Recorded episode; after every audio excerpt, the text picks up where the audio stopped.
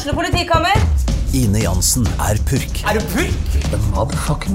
Alt jeg vil, er å finne ut hva som skjedde med mannen min. Jon Carew. Er jeg sikta for noe? Iben Akeli. Det er du. Ole So, Lars Berrum og Big Daddy Karsten. Hvem sin side er du på, egentlig? Anette Hoff, Tone Danielsen, Kommer du fra Afrika? Jørnis Josef, Nesten. Kløfta. Trond Espen Seim, Det er synd å si det, men det var feil mann som døde. Purk. Premiere tirsdag på TV2 Play.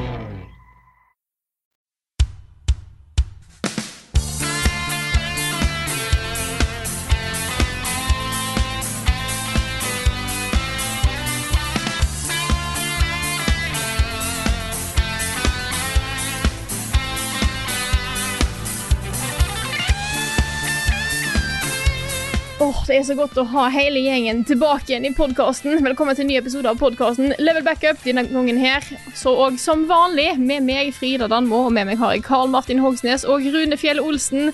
Hallo, folkens. Det vil si, eh, Carl kunne ikke komme i dag. Jeg er eh, Blaze Sexman. jeg har litt, eh, litt covid-stemme i dag fortsatt. Det er litt sånn ettervirkninger av korona og sånn, men jeg skal prøve å ikke hoste for mye i løpet av podkasten. Og prøve å bare eh, ikke være for slitsom å høre på. Ja, vi kan se på det som en litt mer eh, sexy versjon av Karl En litt mer sexy versjon. Ja, for du har virkelig gått gjennom et par stages eh, i løpet av eh, covid-perioden din. Jeg har jo fått litt eh, video og litt eh, snaps. Eh, du, du var jo Palpatine på et tidspunkt. Ja, jeg var um, For å ta timelinen, da. Ja. Jeg var jo i, i Paris, i Disneyland, med, med kjæresten. Vi ble jo, vi, det er ikke alle som kan si at de ble smitta av Mickey Mouse. Men vi fikk jo covid begge to. Um, så det var, det var fem dager hvor jeg var ganske dårlig. Og da de første par dagene så var jeg Palpatine. Og så gikk det liksom gradvis over i å bli Godric the Grafted. Så da, da kunne jeg gjøre en nesten faktisk eh, helt autentisk uh, Godric. Og så gikk det over til at du begynte å snakke veldig sånn britisk, har jeg registrert. Ja, det var Ja. egentlig tidligere i timelinen, for det var før jeg dro, men eh, vi kan late som det var etterpå. Dette er Så- altså virkningene av covid. Eh, de, de, de manifesterer seg ulikt fra ulike personer. Ja, det gjør det. Men jeg føler dette er liksom Nå har jeg muligheten til å fortelle min historie om hvordan jeg hadde det med covid. Det er på en måte belønningen for å gå gjennom det. Ja. At- Ja, du har fått din krigshistorie. Ja, ikke sant? Så nå kan jeg fortelle om hvordan, hvordan det var for meg. Mm. Men for dere har hatt det begge to. Ja. Fikk dere, Sleit dere med søvn? Ikke noe mer enn det jeg vanligvis har når jeg får feber og sånt. Nei. For jeg, det, var, det var sånn fem dager jeg følte at jeg ikke sov. Oh, shit. Det var helt Ja. umulig å få sove. Det var litt omvendt. Jeg var trøtt hele tiden, men slet med å sove. Men jeg sov masse de første, altså da det sto på som verst. Hmm. Så klarte jeg liksom ikke å holde øynene åpne, hvis du skjønner hva jeg mener. Men jeg Ja. sovna ikke når jeg la meg for å sove, da. Nei. Nei jeg hadde sånn, jeg hadde sånn leamus i øyet når jeg var våken. Og så når jeg la meg ned, så slutta jeg å ha leamus, men jeg fikk ikke sove. Åh, Det var eh, en spennende cocktail av, eh, av ting. Nå har jeg til og med fått sprøyta inn katt i, i kroppen. Så eh, utrolig spennende sånn kroppstilstand akkurat nå. Mm. Dette er jo ikke noen som har fylt deg i sprøyta med katt, eh, men du får jo kattevaksine. Uh, Ja, så det, jeg får så det. er Og det er mange som ikke vet at det fins. Til og med mange leger som ikke vet at det fins. Mm. Men, men det fins. Nå prøver jeg å bli kvitt katteallergien min. Ja. Så da får jeg rett og slett eh, sprøyta, hva skal man si, Ka sånn liquid kattehår og sånn inn i kroppen. Essens av katt. Essens Ja. av katt. Så det er Mm. spennende. Mm. Spennende du, tider. ja, ja. Men du Rune, du var jo eh, vekkreist eh, forrige uke. Gjett om jeg var. Eh, la ut forferdelig bilde av da du hørte på podkasten og greier. Da så ut som du hadde det veldig kjipt. Ja, det så Ja, det var et, Ja. det var et faktisk virkelighetsøyeblikk, da. For jeg satt da den, den morgenen som podkasten kom ut, så satte jeg meg ned med en kopp kaffe i liksom eh, shorts og T-skjorte i 24 varmegrader på terrassen. eh, I skyggen, da. og så hørte jeg på eh, nesten hele podkasten før jeg måtte gå ut i bassenget og bade litt og, og sånt. Eh, Det var en utrolig flott opplevelse, eh, og eh, ikke minst også bare en veldig hyggelig høstferie, da. Det var, uh, dette var jo noe jeg gjorde for ungene. Hvis jeg skulle valgt, så hadde jeg dratt til liksom Tokyo eller New York eller Los Angeles eller et eller annet sånt, ikke sant. Men dette er jo en ren badeferie. eh, Bare sol, slappe av sammen med søstera mi og hennes familie. Og sønnen min lærte seg å svømme. Det er så koselig. Ja, det var helt fantastisk. Og de sa liksom at det var den eh, beste uka i deres liv, og de var veldig happy, da. Så da ble jo jeg veldig happy også. Så selv om på en måte charterferie ikke er helt meg, så var det en utrolig flott uke. Det var eh, veldig, jeg er veldig glad for at vi dro, da. Mange dad points. Ja, mange dad points og en litt sånn derre eh, fin opplevelse. Et fint minne jeg ga ungene mine. Det er, eh, det er jeg glad for, for, for at jeg gjorde, selv om det er jo liksom Ja. Du betaler jo ut av skjorta og veggen og alt, liksom, for de turene der. Det er svindyrt. Men jeg vil si det var verdt det, også. Så var det jo litt deilig, da. å Være et helt annet sted, liksom. Flytte meg fra norske høsten og bare og Her er det sol, og det var varmt, og det var jo ikke under 20 grader uh, der. Kanskje, kanskje litt sånn rett under på de siste par nettene, men ellers så var det liksom sånn 4-5-26 grader. Da vi kom, var det over 30 grader. Oh.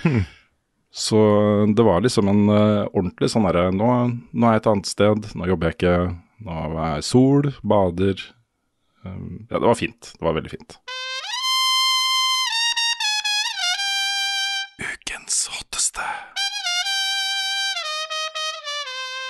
Forrige uke var jo med i Mario-trailer Limbo. Eh, Podkasten var spilt inn før traileren ble vist, og kom ut etter den ble vist. Men nå har vi jo fått sett den, og er klar til å snakke litt om eh, denne nye filmen til Nintendo og Illumination, som eh, har annet Chris Pratt, eh, Jack Black eh, og litt andre kjente navn som, som stemmeskuespillere. Hva, hva syns dere om denne første visningen av hvordan denne filmen ser ut og høres ut? Jeg er eh, superhappy. Ja, jeg ble positivt overraska, egentlig. Både over hvor bra de hadde klart å gjenskape liksom Mario-stilen i en sånn Illumination-animasjonsfilm. Mm. Det er jo veldig trofast, samtidig som det er litt mer animert. Litt mer sånn levende eh, Levende satt sammen, holdt på å si. Mm. Så jeg liker veldig godt stilen de har gått for. De har jo endra litt på utseendet til, eh, til karakterene her. Eh, altså Da tenker jeg på Mario, Luigi og kanskje òg litt Bowser. Jeg tenker i utgangspunktet ved første inntrykk at det er en litt god idé, for da får de sitt eget eh, visuelle uttrykk. Eh, Som på en måte separerer filmen fra resten av spillene. Så jeg skjønner hvorfor de har gått for det, og ikke bare laga en kopi eh, av, Mm. eh, av karakterene. Glad det ikke er liksom Ugly Sonic-nivå, da. Det hadde vært krise. Det hadde vært litt krise. Tror dere at en av de små pingvinene kommer til å bli dytta utfor et stup på et eller annet tidspunkt? Ja, jeg håper jo nesten da, men ikke likevel, på en måte. Nei, jeg håper kanskje ikke Mario gjør det, for da blir det Nei. vanskelig å heie på Mario. Ja. Det står sikkert i klausulen til, i kontrakten til Chris Pratt mm. at han Ok, jeg kan være Mario, men uh, jeg, jeg nekter å uh, kaste pingviner ut av for utfor et stup. Yes. Mm. Nei, jeg, uh, jeg tenker jo at også Nintendo har lagd massevis av, uh, av uh, litt sånn derre åpen verden, eller i hvert fall sånn action adventure-ting med sine rollefigurer, men da særlig liksom Zelda og Metroid og den type serier. Ikke fullt så mye Mario, selv om du har jo disse store episke historiene og, og sånt der også, men de er mer sånn brettbasert. Ikke sant, Han går til verden, og der er et brett med puzzles, og han skal hoppe og bla, bla, bla. Det er liksom hovedfokuset, da. Eh, Jeg tenker at en film som dette her kan på en måte åpne opp Mario-universet litt, og, og gjøre det mulig, da. Å lage noe som kanskje ligger litt nærmere Breath of the Wild-type opplevelse eh, for Mario. Um, det var i hvert fall de tankene jeg fikk, da. Er at dette var Altså Mushroom Kingdom, hvorfor i all verden skal jeg se en, en historie på en film lagt i Mushroom Kingdom, liksom? Men jeg fikk litt troa på at det kan være mulig, da. Nå kan, du liksom, nå kan du se Mushroom Kingdom som et samfunn, Ikke Ja. sant? og det har du på en måte ikke gjort før. Du har vært sånn, sånn Paper Mario og sånn, så har det vært litt av det. Mm. Men ikke, det, det har ikke føltes som en sammenhengende verden, som det liksom lever Toads i, som har liv og hverdag og sånne ting. Ja. Mm. Og så ser det ut som dette blir en slags uh, origin story, da, hvordan Mario havna i det universet her. Er det en isekai Ja, det er isekai. det virker som det er en isekai. Ja. Det, er, det er et ord jeg har lært av Nick og Frida. Det betyr at eh, en person fra virkeligheten kommer inn i en fantasiverden, ikke sant? Mm. Mm. Det ser veldig sånn ut. Det, viste, det viste jo ikke akkurat hva som skjedde her, men det viste det øyeblikket han kommer dit, ikke sant. Med den derre 'hvor er jeg nå'? um, ja. Men det har vært mye diskusjoner om Chris Pratt som Mario, da. Um, personlig så tenker jeg at det er helt greit. Jeg har ikke noe stor issue med det. Uh, hva tenker dere? Det går fint. Jeg har, altså, du hører at det er Chris Pratt, eh, og jeg har sett at det er veldig mange på internett som har et stort problem med det. Da kan jeg eh, Altså, da har en lov til å ha. Um, jeg har jo sett folk Jeg er ikke så god på å plukke opp aksenter og sånt, men at de sannsynligvis da At han går for en mer sånn Brooklyn, New York-aksent, uh, da har jeg jo ikke noe imot. Eh, det var ikke så lett å høre fra de to setningene han hadde nå i eh, den traileren her, men eh, så jeg, jeg føler det å, å dømme hele filmen på de to setningene er kanskje urettferdig, men det får vi se, da. jeg lurer på hvor mange timer med analyse det fins på internett av de to setningene. Mm, det ja. er helt sant, ass. Jeg har, eh, har, har litt problemer med hvor fort internett på en måte går inn i ting og angriper de og hater de. Uh, før liksom, filmen er jo ikke ute i det, vi, har sett, vi, har, vi har sett ett minutt, liksom. Jeg vil så utfordre de som, som, eh, som hater det, til å bare prøve å forestille seg hvor ille det hadde vært hvis han hadde prøvd seg på en italiensk aksent. Ja. Hvis Chris Pratt hadde gjort det. Ja, det hadde ikke funka. Nei, det hadde ikke gått i det hele tatt. Og jeg er veldig glad i kunne- Charles Martinet, men jeg tror 90 minutter med da hadde òg blitt litt mye. Ja, Jeg hadde ikke orka det. Men samtidig, da, bare for å være litt sånn eh, på den andre siden på akkurat det, så er jo Charles Martinet en veldig flink og eh, allsidig stemmeskuespiller. Oh, ja, ja, ja. Så, så hvis han hadde klart Hvis han hadde tona det litt ned, Mm.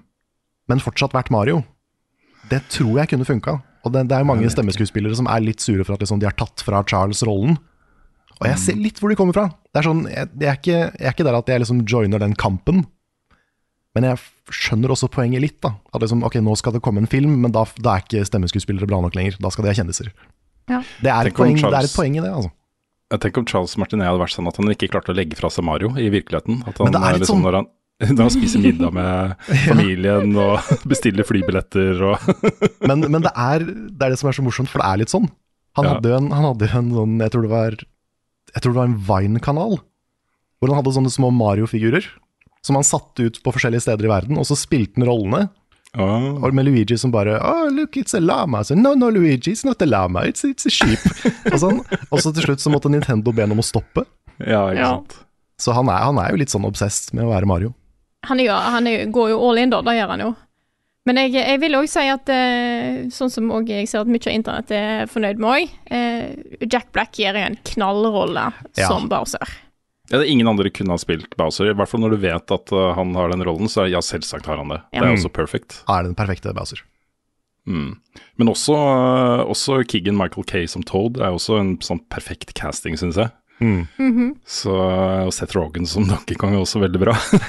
Det er jeg spent på å høre. Det er- Ja. gleder jeg meg til å høre. Mm. Det er jo også sånn at uh, Charles Martinet har jo noen uh, biroller i den filmen her også. De har ikke sagt hva det er ennå, men de, han dukker jo opp og får betalt. Mm. Valuigi, kom igjen. Ja, kanskje Ja. det. Eller Vario, eller Ja. Oh.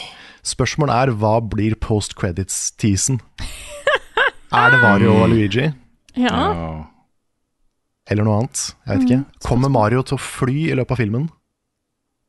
Ja. Og blir det i så fall med en sånn kule ting. Ja, blir det i så fall med en sånn tanuki-hale, eller med en kappe? Mm. Eller med wingcap?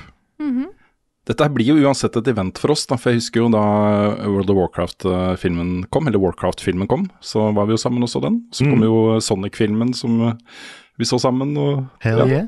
Mm. Det blir nok eh, litt det samme her, da. At vi gjør det som et lite level up-event og Ja. dekker det ganske bredt. Jeg håper vi blir invitert på en pressevisning. Det hadde vært veldig Mm. gøy. Den har i hvert fall premiere i Norge 24. mars. eh, uka etter, tror jeg, eller et par uker etter i USA. Um, fryktelig spent også. Det kan bli, uh, kan bli bra, dette her. Um, vi har også fått inn litt spørsmål, da. Det er tydelig at folk er opptatt av eh, denne filmen, så det er ikke helt uten grunn at vi tar den som ukens hotteste. Eh, et spørsmål er fra Tobias Winterdal, som spør hvis Mario-filmen blir en suksess, hvilket spill eller spillserie fra Nintendo ønsker dere å se i enten film- eller TV-serieformat? Og Det er veldig relevant. Du ser jo hva Netflix og de andre gjør nå med spillisenser. Mm. De lager jo det ene etter det andre. De har vel allerede begynt å snakke om Nintendo Cinematic Universe, har de ikke det? Jo da, det er også et eh, annet spørsmål her, jeg kan jo ta den samtidig. Um, fra Windy493. Tror dere Nintendo kommer til å lage en film til alle karakterene i Smash Bros, som de eier, for å så samle dem som Marvel gjorde med The Avengers? Oi, oi, oi. Det hadde vært festlig, men det er jæklig mange karakterer. Det er det. Og veldig mange visuelle stiler som skal, som skal clashe. Mm. Det er ikke lett å få til, altså. Men, um, men det, det åpenbare svaret for min del er jo liksom Zelda. Ja. Og Metroid. Ja, Zelda og Metroid er på en måte nummer én og to. Men er, ikke, er det ikke snakk om at det kommer en Selda TV-serie på Jo, for Netflix? jeg kan vagt huske dette her. Men er ikke det mange år siden, og så, var det, så ble det kansellert eller noe?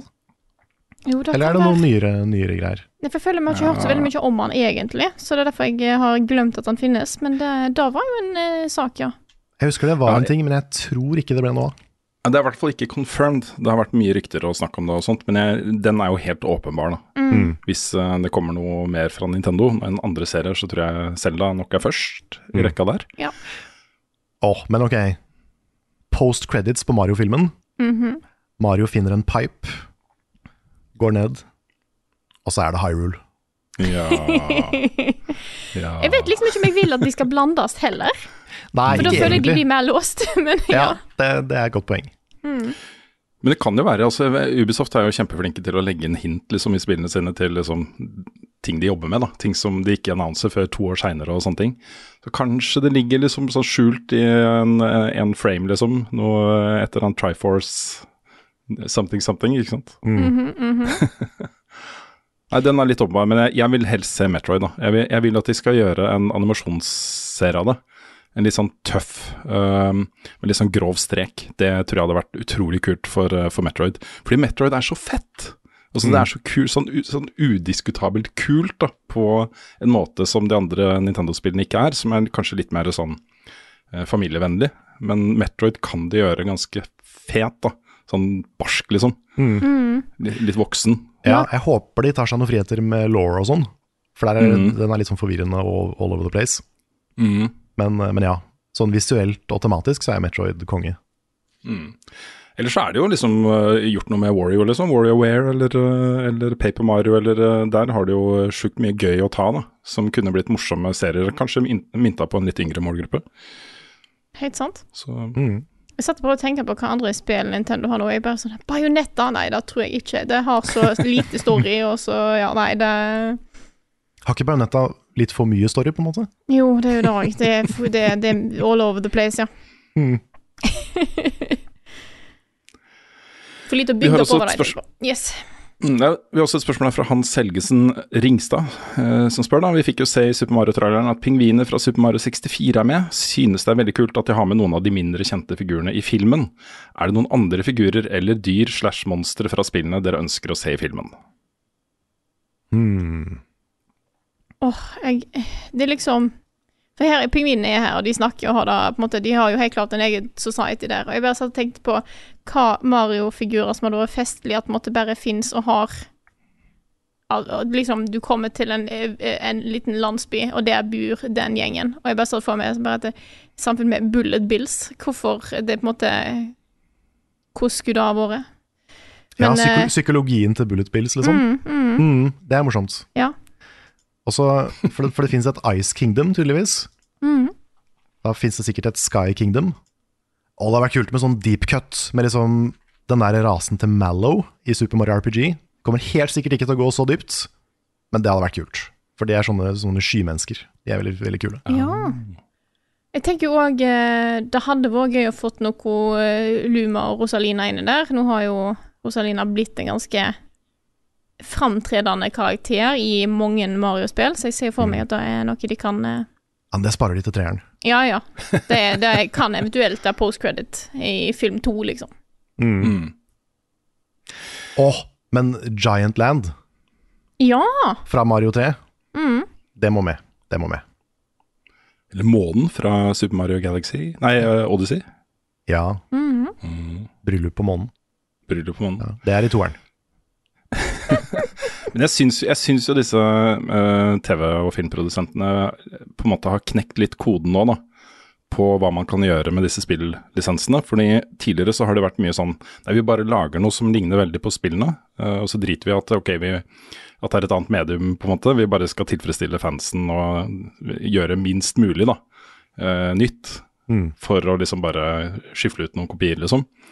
Eh, nå går folk inn i det med en litt annen eh, tyngde og kjærlighet da, til opphavet. Og jeg tror det er fordi de som sitter og bestemmer, og de som er regissører og de som er skuespillere og, og manusforfattere og sånt, har vokst opp med spill på en annen måte enn det de hadde gjort for 10-15 år siden. At de har et nærere forhold til det og, og eh, legger mer eh, kjærlighet og omtanke bak disse konverteringene. Um, så um, har jo også en del av disse seriene vist at det er mulig å lage spin-offs, altså ting som tar utgangspunkt i spilluniverser og gjør noe nytt, sånn som særlig Arcane, da. eh, League of Legends-serien, eh, som jo blir trukket fram som bare en objektiv, ikke objektivt, men også en, en kvalitetsserie, uavhengig av at det kommer fra spill.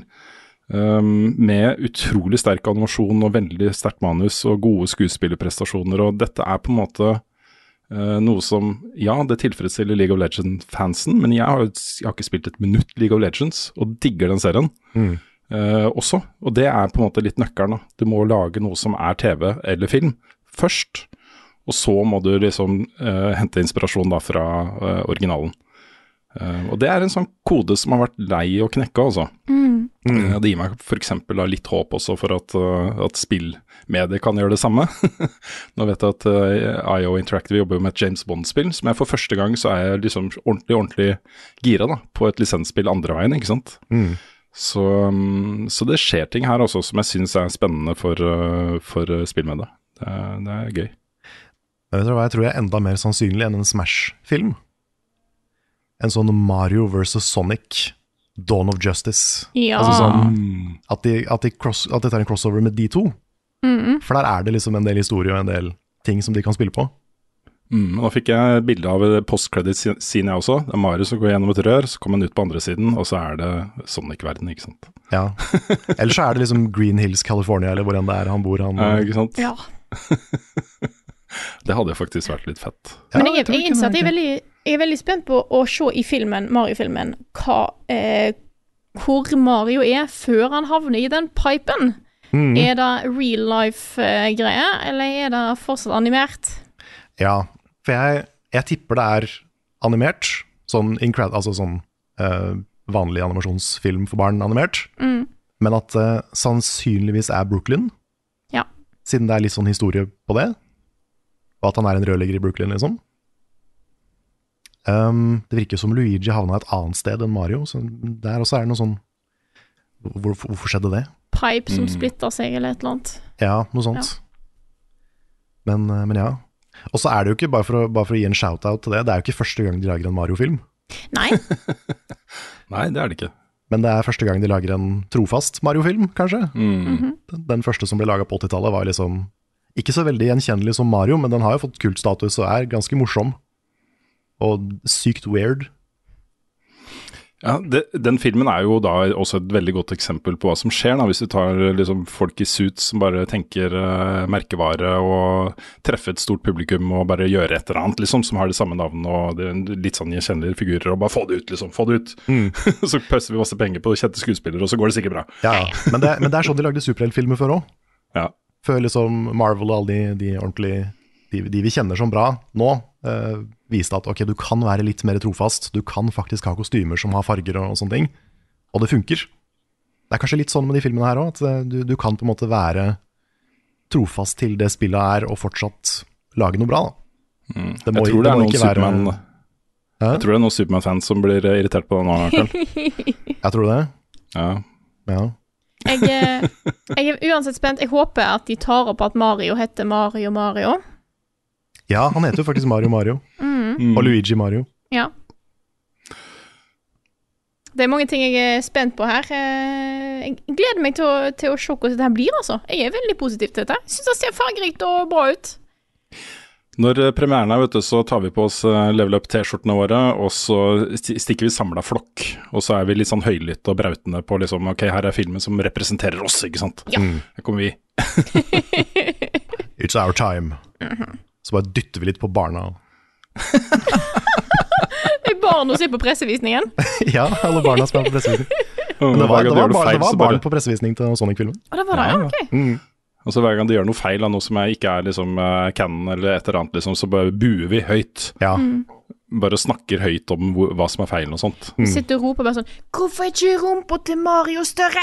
ja. Dette er er her viktig. har jeg da, har jeg da hvis, det, er- hvis det er noe fra Universal som hører på Vi stiller gjerne opp på liksom sånn paneldebatter uh, i, i forbindelse med denne filmen her til å diskutere Marios betydning i, i pop, popkulturen og sånne ting, liksom. Ja. Og uh, filmen. Så eh, vi er åpne for en invitasjon der. Absolutt. absolutt. Og, og ikke noe shade til Christopher Reeve Supermann-filmene. De, er- de er veldig koselige og fine. Jeg tror det var viktig at du sa akkurat det, Karl. Ja, ja for det var, det var ikke de jeg refererte til.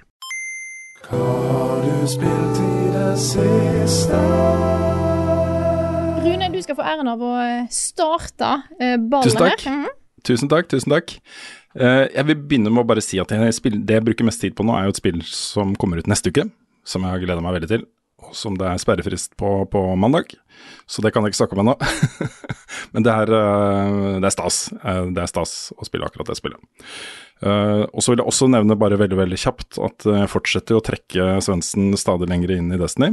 Nå har vi tatt nok et nytt raid med planer om enda flere, og den raid-gjengen der er også så sjukt hyggelig. Og jeg angrer på at ikke vi streama nå sist, fordi det var liksom en, bare en repeat da, av eh, forrige stream vi hadde uka før, eh, to uker før. Hvor eh, det er altså så god stemning. og eh, det må vi gjøre mer av. Altså det, er, sant, det er meg og Svens og Lars.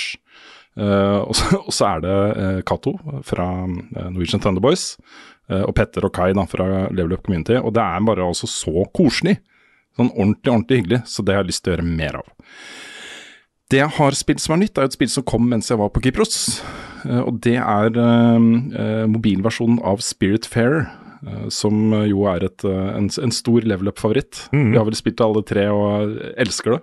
Det er kjempebra. Det er et kjempekoselig spill som handler om at du får rollen da, som en, en eh, sånn uh, guide som skal hjelpe da folk i uh, det mellomstadiet mellom livet og døden til å løse opp uh, eh, knuter de har, uoppgjorte ting fra livet sitt, Mm. sånn at de kan gå videre i fred. Det er litt sånn sorgterapi i spillform.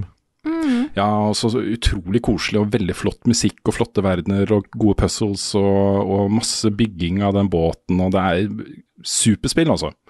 Uh, og det som er litt spennende her, er jo at dette er det første Netflix-spillet jeg har spilt. Uh, dette er jo et av de spillene som da er tilgjengelig for Netflix-abonnenter. Og Det betyr at hvis du har en Android-telefon eller en uh, Apple-telefon, og et Netflix-abonnement, og appen til Netflix installert på telefonen, så kan du bare gå og laste ned det spillet og spille som en del av ditt Netflix-abonnement. Så det er veldig tilgjengelig for folk, da. Uh, og jeg må jo si uh, at det er en utrolig flott uh, konvertering. Altså, jeg har ikke spilt det masse, masse. Men eh, eh, her er det jo mulig å koble til både PlayStation og Switch og Xbox-kontrollere eh, via Bluetooth, eh, og bruke de, liksom. Og da tror jeg det blir en flott, flott, flott, eh, veldig lignende opplevelse som det vi har hatt på konsoll og PC. Eh, litt knotete med de touch-kontrollene som jeg brukte, eh, men rent eh, visuelt og liksom spillet i seg selv oppleves som det samme da, som jeg har spilt før. Og her, Det er et utrolig bra spill, altså. Så, eh, så hvis du ikke har spilt det, så er det, eh, anbefaler jeg å gå og sjekke det ut. Um, det jeg syns er litt interessant her, er jo Netflix' rolle da, som spillutvikler og publisher. Uh, nå det jo, har det vært mest, mest det siste, at de gir ut andre spill.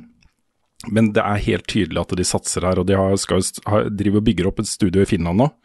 Med masse folk, og de skal lage masse spill, og det er ikke måte på hvor uh, mye de skal gjøre med dette her. Uh, og det, dette er jo på en måte en sånn tegn i tiden, for nå har disse strømmetjenestene eh, vokst seg store, blitt en integrert del av livene til folk. Men nå slutter de å vokse, ikke sant. Og det, jo, det blir jo trukket fram hele tiden at Netflix vokser jo ikke lenger. De, tvert imot, de taper kanskje noen abonnenter nå og da, liksom. Hva skal de gjøre, da? Dette er jo kapitalismen, ikke sant. Du må ha vekst hvert eneste år, ellers så er det krise, ikke sant. Eh, og jeg, jeg både frykter og eh, forventer litt da, at uh, disse strømtjenestene kommer til å gå litt veien som Amazon gjorde uh, back in the day. Ok, nå har vi dekka markedet for bøker, hva annet kan vi selge på denne flotte plattformen eh, vi har, ikke sant? Alle de brukerne vi har. Eh, så her er det, det kommer sikkert lydbøker, eh, musikk etter hvert, vil jeg tro. eh, spill osv. Alt som kan strømmes, da. eh, tror jeg vil etter hvert da komme på disse plattformene, i hvert fall noen av de. Og utfordringen da er jo at det vanner ut, vanner ut eh, konseptet, ikke sant. Kanskje vi får færre av de virkelig, virkelig store kvalitetsseriene som vi har blitt så vant til. Um, kanskje det blir vanskelig å finne de bra tingene når det, når det rotes til med masse andre produkter uh, osv. Hva, hva tenker dere, vil dere ha strømmetjenestene helt fri for eh, annet enn eh, videoinnhold?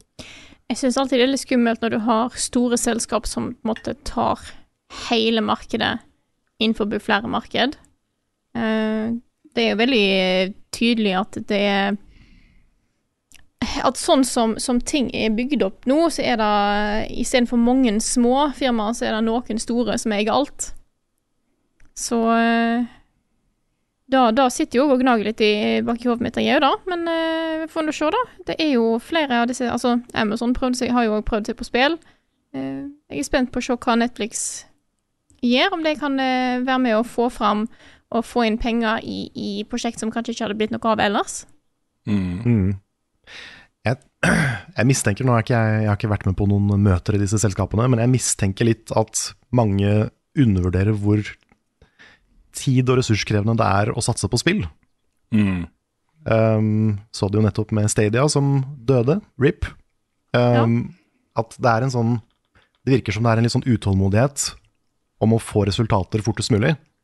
Men så har jo mange spill mange år med utvikling, og så skal det bygges opp en plattform, man må få et publikum, man må selge tjenesten, og hvis man satser på streaming, så må streaminga funke. Mm. Så det er en sånn litt brattere oppoverbakke enn det mange er klar over, tror jeg.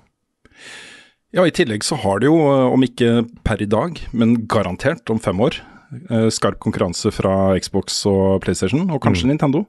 Med sine biblioteker av spill, og så skal du sitte der og konkurrere mot det, liksom, i din Netflix-plattform eller HBO eller hva det skulle være. Det kommer jo ikke til å gå bra, det. Tror jeg. Nei. Men at det kan funke som en sånn sideting, er jo mulig. Sånn som mm. uh, Apple Arcade og de tingene der. At liksom, da vet jeg ikke hvor bra Apple Arcade gjør det, da, men, eh, men at liksom du har en liten plattform som har noen spill. Kanskje ikke så mye exclusives, kanskje ikke så mye sånt, men, men du har et tilbud. Mm. Det er jo åpenbart det er jo et kjempemarked der, jeg tror Apple Arcade gjør det ganske bra. Jeg har f.eks. abonnert siden det kom ut, og det er, det er litt sånn pengesluk, da. Jeg jeg spiller ikke så mye av de spillene som kommer ut der. Nei, ikke heller. Men uh, jeg, det koster er det, fem dollar i måneden eller noe sånt. Um, og jeg tenker at det I det øyeblikket hvor det kommer et spill jeg har lyst til å spille jeg, Det er ett jeg spiller, da. Med masse der sånn kryssordspill som ligger på Apple Arcade, og det har jeg jo på en måte gjort opp um, i hvert fall noen av de månedene som jeg har abonnert på den. Um, men uh, vi fikk jo også en nyhet nå i uka som gikk om at um, uh, i forbindelse med dette oppkjøpet av Activision Blizzard, som Microsoft uh, prøver å få gjennomført, så må du jo disclose en del sånne tall. Da. Og da kom det jo fram at de tjener 30 milliarder dollar i året på Xbox GamePass. Altså de tjener ikke det, det, det er inntektene deres. Netto overskudd av det er nok ikke så stort, vil jeg tro, siden de bruker så mye penger på uh, å gjøre spillet tilgjengelig på plattformen. Men det er mye penger, da. Det er sjukt mye penger. Nå innser jeg plutselig at kanskje det var 30 millioner eh, kroner, at det var oversatt. Eh, så ta det tallet med det er, enten 30 millioner kroner, eller så eh, kan du gange det med 10, da. Cirka. Men uansett, det er mye penger her. Eh, og det, det er jo ingen tvil om at, eh, at den satsingen på spill som en abonnementstjeneste, at det er inkludert i et abonnement, det er litt framtiden, liksom. Det er i hvert fall den framtiden som både Sony og Xbox eh, ser for seg, da. Eh, og da kan fort, fort eh, Netflix-greiene bli litt sånn puslete. Samtidig så var det utrolig hyggelig å se den nyheten komme. Nå er Spiritfarer tilgjengelig på mobil. Og hvis du har Netflix-abonnement, og jeg har jo Netflix-appen på telefonen, så kan du bare laste den ned. Og da ble jo bare gjort det, det ligger ikke på en egen hub eller noe sånt, du må bare søke det opp i AppStore.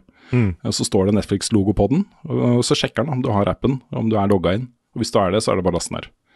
Så velger du da, du kan velge mellom de profilene som du har allerede på ditt Netflix-abonnement. ikke sant? Er det, hvem er det som spiller? Det var meg, da. Det var ikke kona mi, ikke sant.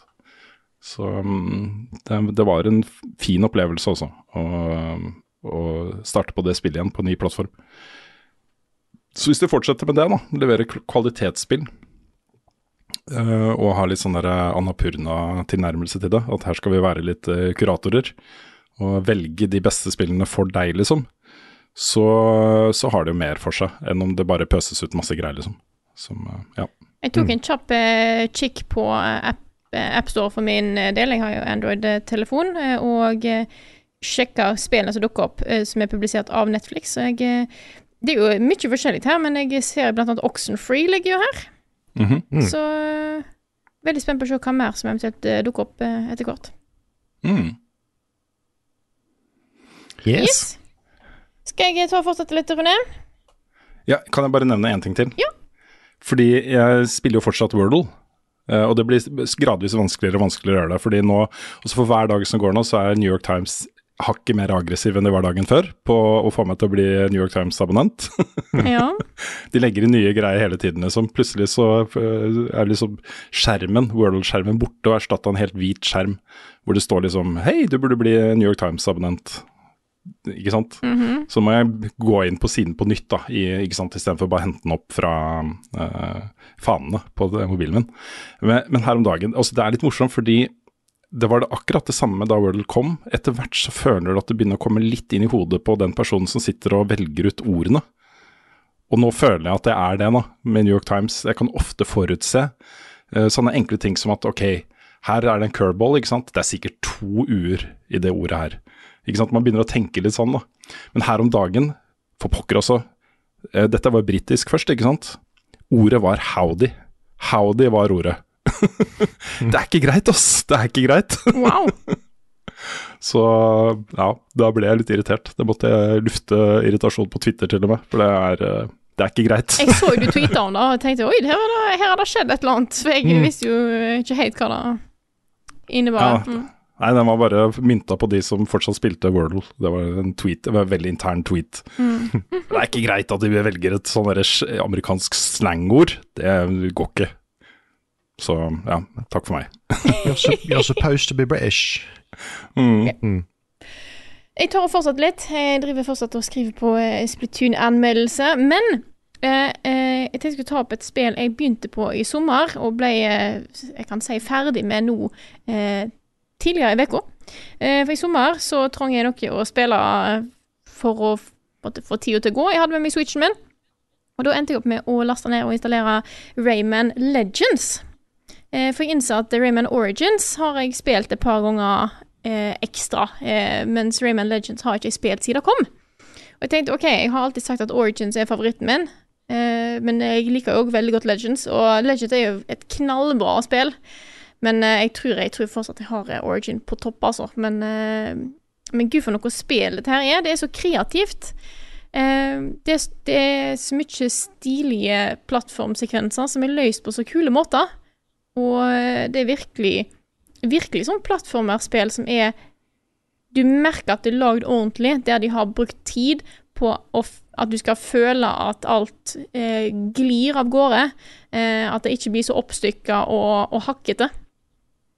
Eh, og morsomme animasjoner og kule Kule segment og sånt. Så eh, det var en veldig fin eh, Veldig fin gjensyn med det spillet, rett og slett. Jeg, eh, det viktigste for meg var at jeg fikk spilt så jeg fikk tatt den der siste musikkbanen. Den som er helt crazy. Det er plutselig så er det eh, Skjermen deler seg opp, og plutselig ser du sånn 100 små Mm. kopier av skjermen samtidig, og du prøver å følge med på ting, og så blir det kornete, og så blir det opp-ned, og Stemmer det. Jeg skulle til å si Through the Fire and Flames, men det er feil spill. Ja, dessverre. Mm. Så dere at noen har modda inn den i, i Trombone Ja, Champ? jeg så det. Jeg så det. Fy fader! Eh, det er vakkert. Det er herlig, ass. Har du prøvd deg på en runde? Nei, nei, nei. nei, nei. nei altså, jeg, jeg nevnte det da jeg snakka om det for noen uker siden, at, uh, at uh, for meg så er Trombone Champ en utrolig god vits. Mm. Som varer i en time, liksom. Så nå er jeg ferdig med det. Jeg trenger ikke å verken se flere videoer fra det eller spille det mer, men det har vært en berikelse av livet mitt uh, mm. Så Ja, vet du at det sitter en nå og øver til GDQ i Trombone oh, Men jeg kan jo si at det, det har jo eh, kommet eh, info om neste Splatfesten Den tror jeg er ikke den allerede nå til helga. Da lurer jeg faktisk på. Jeg lurer på. om det neste helg, ja. Ja, jeg skal ta neste tre For der skal du jo nå velge én av tre starter-Pokémon-typer. Og det syns jeg er kult eh, eh, Kult eh, konsept. Ja, jeg tenkte det var nå, den, eh, fordi at jeg husker at det, det var liksom rundt sånn 13. Jeg tenkte det var nå, men det er jo ikke før november. Det er 11. til November, ja, 13. november. Så var det litt lenger fram i tid enn jeg hadde, hadde Kan, tenkt. kanskje fordi Scarlett og Violet kommer ut da? Ja, det er nok sikkert det. Det kan vel hende. Skulle nesten tro det var samme selskap Nesten. som står bak dette her. Ja, det er noen konspirasjonsteorier du kan legge her. Mm. Mm. Nei, da gir jeg ordet videre til deg, eh, Kyle. Ja, jeg ehm, i natt, det, i, går, i går natt, så kom jeg til rulleteksten i Xenoblade Chronicles 3. Wow. Har du kommet til rulleteksten? Jeg har kommet meg gjennom. Å, shit! Og jeg har jo bare forventa at vi skulle snakke masse ting om ting du opplevde underveis, men OK! Det, How you det, feeling? Nei, det, altså, jeg skjønner veldig godt hvorfor du ga det ti. Uh, veldig, veldig fin slutt. Skal selvfølgelig ikke si noe om hva som skjer. Um, men uh, veldig fin slutt. Veldig Jeg syns, skal jeg si dette her veldig vagt, overgangen mellom to kapitler mot slutten var den beste delen av spillet for meg. By far. Det var liksom Der toppa det seg. Jeg syns eh, siste dungeon var litt lang.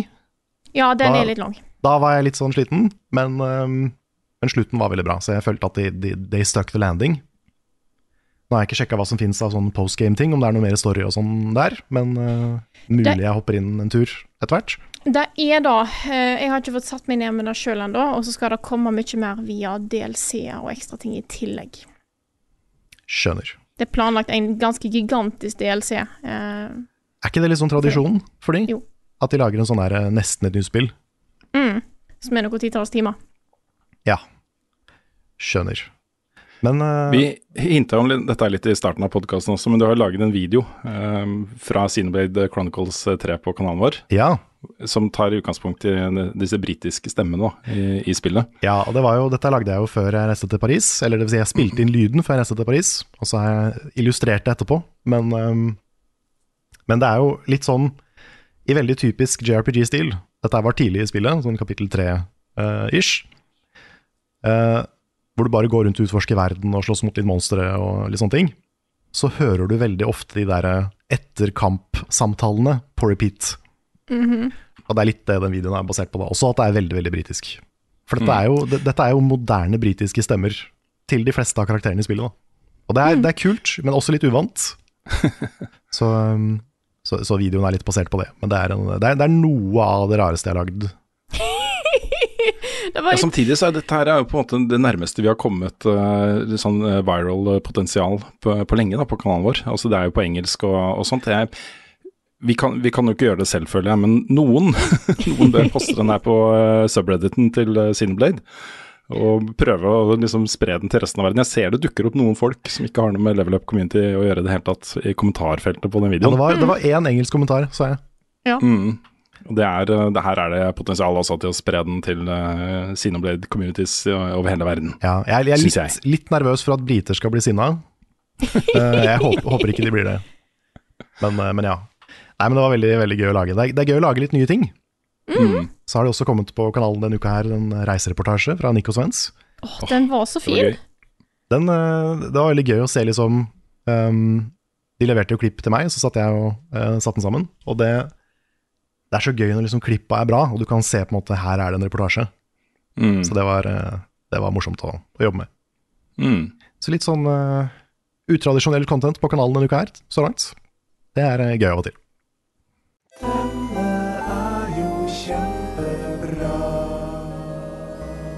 Ukens anbefaling. Anbefalingen denne uka blir servert av Rune, og da starter med et spørsmål. Ja, nå fikk vi jo det, det her blir mye snakk om dette her, da. Det var litt litt sånn repeat av eh, forrige ukes anbefaling også, eh, kan man kanskje si. Men jeg tar spørsmålet først, og det er fra Petter L. Aasen, som spør da Har Rune og Carl blitt mer glad i House of the Dragon nå? Synes dere fortsatt at profetien i første episode var unødvendig slash cheesy? Skjønner at det føles krampaktig i første episode å sk eh, skulle knytte link til Game of Thrones, men jeg synes selv det er kult at de utvidet Lauren forbi det vi har i Fire and Blood og World of Ice and Fire, og tenker ikke særlig på eh, Game of Thrones-slutten. Og grunnen til at jeg ville ta det opp, er jo at jeg har vært ikke negativ, men lunken, da, eh, til eh, House of the Dragon, som jo er da den Game of Thrones-TV-serien på, på um, HBO.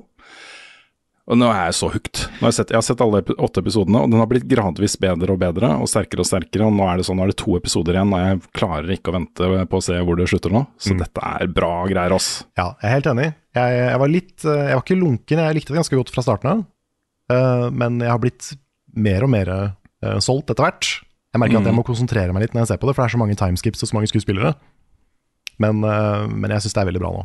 Og det Den, den profetigreia, grunnen til at jeg tok opp det i, i eh, Tilt, eh, ikke Tilt, men eh, Eldorado-podkasten, det var det at jeg syns den kom så ut av ingen steder i den episoden. Jeg skjønner jo nå at liksom det er det er linker i den overbyggende historien her til hvorfor det er viktig og sånn. Mhm. Og det er, da skjønner jeg litt bedre hvorfor de gjorde det. Men det var, det var noe med liksom pacingen på det i episode 1 som jeg reagerte litt på. Men, eh, men svaret på om jeg liker serien bedre, er jo ja, mye bedre. Ja, så mitt problem med serien fra starten var at eh, det føltes som en, stere, en serie som skulle skynde seg litt. At de skulle komme veldig kjapt til liksom, de store dramatiske greiene. Og jeg tenkte liksom på de der svære, altså Red eh, Wedding i, i originalserien, og også de der øyeblikkene liksom, som er bare oh, holy shit. Jeg trodde de skulle komme veldig fort til det, men så viser det seg at de tar jo seg sjukt god tid til å bygge opp disse intrigene og relasjonene og familieforholdene og alle disse tingene her. Eh, og det er derfor jeg digger den. Det er derfor Jeg digger den. Jeg tenker at liksom de øyeblikkene kommer til å komme, men de kommer til å komme når de bør komme, og ikke sånn de rusha inn i historien for å gi deg den der Game of Thrones-opplevelsen. da. Så nå føles det som en historie og et univers som står sjukt godt på egne bein. Eh, uten at de lener seg for mye på den sjokkverdien da, som, eh, som den andre serien jo leverte, også med ganske sånn porsjonert utover sesongene. Eh, og jeg er ordentlig investert nå. Jeg, jeg syns også overgangen da fra disse barneskuespillerne til at de ble eldre, var innmari god. De to episodene nå med de på en måte voksne skuespillerne i disse rollene syns jeg har vært klart best. da. Der, eh, der har på en måte disse konfliktene begynt å sette seg litt, og det begynner å bli liksom ok, denne personen er slem, denne personen er kanskje snill, men kanskje ikke, og så får man litt sånn herre oh, dette er ganske spennende. så jeg er veldig happy med den. Jeg syns den er kjempebra. I agree. Tenk at vi har liksom Vi har to veldig svære, veldig omfattende, kule fantasy-serier samtidig. Jeg legger på Andor også, så er det tre Ja. som går samtidig, liksom. Det, det er Ja. sant. Og kan vi, ikke, kan vi ikke slutte å sette de opp mot hverandre? Kan vi ikke bare være glad for at de fins? Åh, jeg er så glad for at det fins, ass. Dette er uh, our time. Det er det. Good shit. Her kommer nyheter med Rune Fjell-Olsen, og han har ikke hår. Dette kunne jo eh, kanskje, kanskje burde vært eh, ukens hotteste også. Eh, Vi har jo fått lanseringen av Overwatch eh, 2 i nyere tid. Eh, Og ikke bare det, men eh, Overwatch 1 er jo gravlagt. Eh, Dette snakket dere om ganske mye i forrige uke, så det trenger vi ikke å snakke så mye om. Men det har jo vært en del oppstartsproblemer rundt Overwatch eh, 2.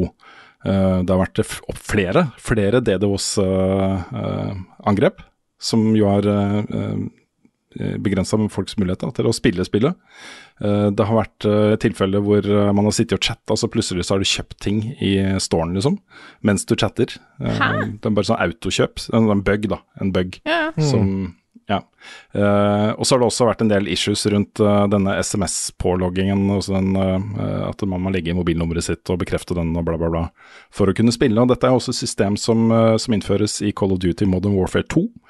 Um, og Det er jo åpenbart hvorfor, hvorfor de jobber med sånne ting. og Det handler om å eh, begrense toxic oppførsel. At uh, man kanskje kan um, uh, ha flere muligheter til å stanse folk da, som ikke oppfører seg. Så knytter man det tettere til hvem de er i virkeligheten. Um, nå har jo da Blizzard uh, uh, svart på alt dette her ved å da tilby en hel haug med sånne dobbel XB-helger utover høsten. Uh, datoene for disse blir kjent seinere, men jeg tipper at det ikke er så lenge til den første dobbel XB-helgen.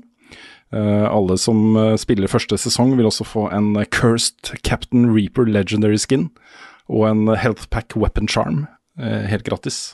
Så de prøver liksom som en plaster på såret, da. Nå er det ikke uvanlig at det er oppstartsproblemer av online-spill.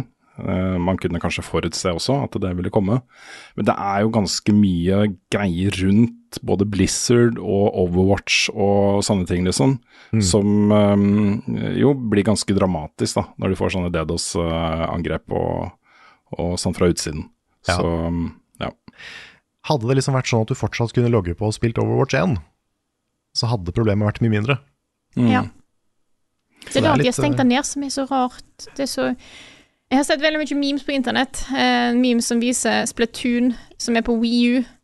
Eh, med sånne I saw you eh, born, born and I saw you die. Fordi at Splatoon 1 lever jo fortsatt. Mens Overwatch har både dukka opp og dødd siden da. Jeg har det samme med Destiny også, for Destiny 1 eksisterer fortsatt. Med Mm. server og folk spiller det. Det er aktivt, liksom. Jeg, jeg, har, jeg følger jo en del sånne Twitter-kontoer og sånt som uh, kommer med oppdateringer da, om Destiny 1.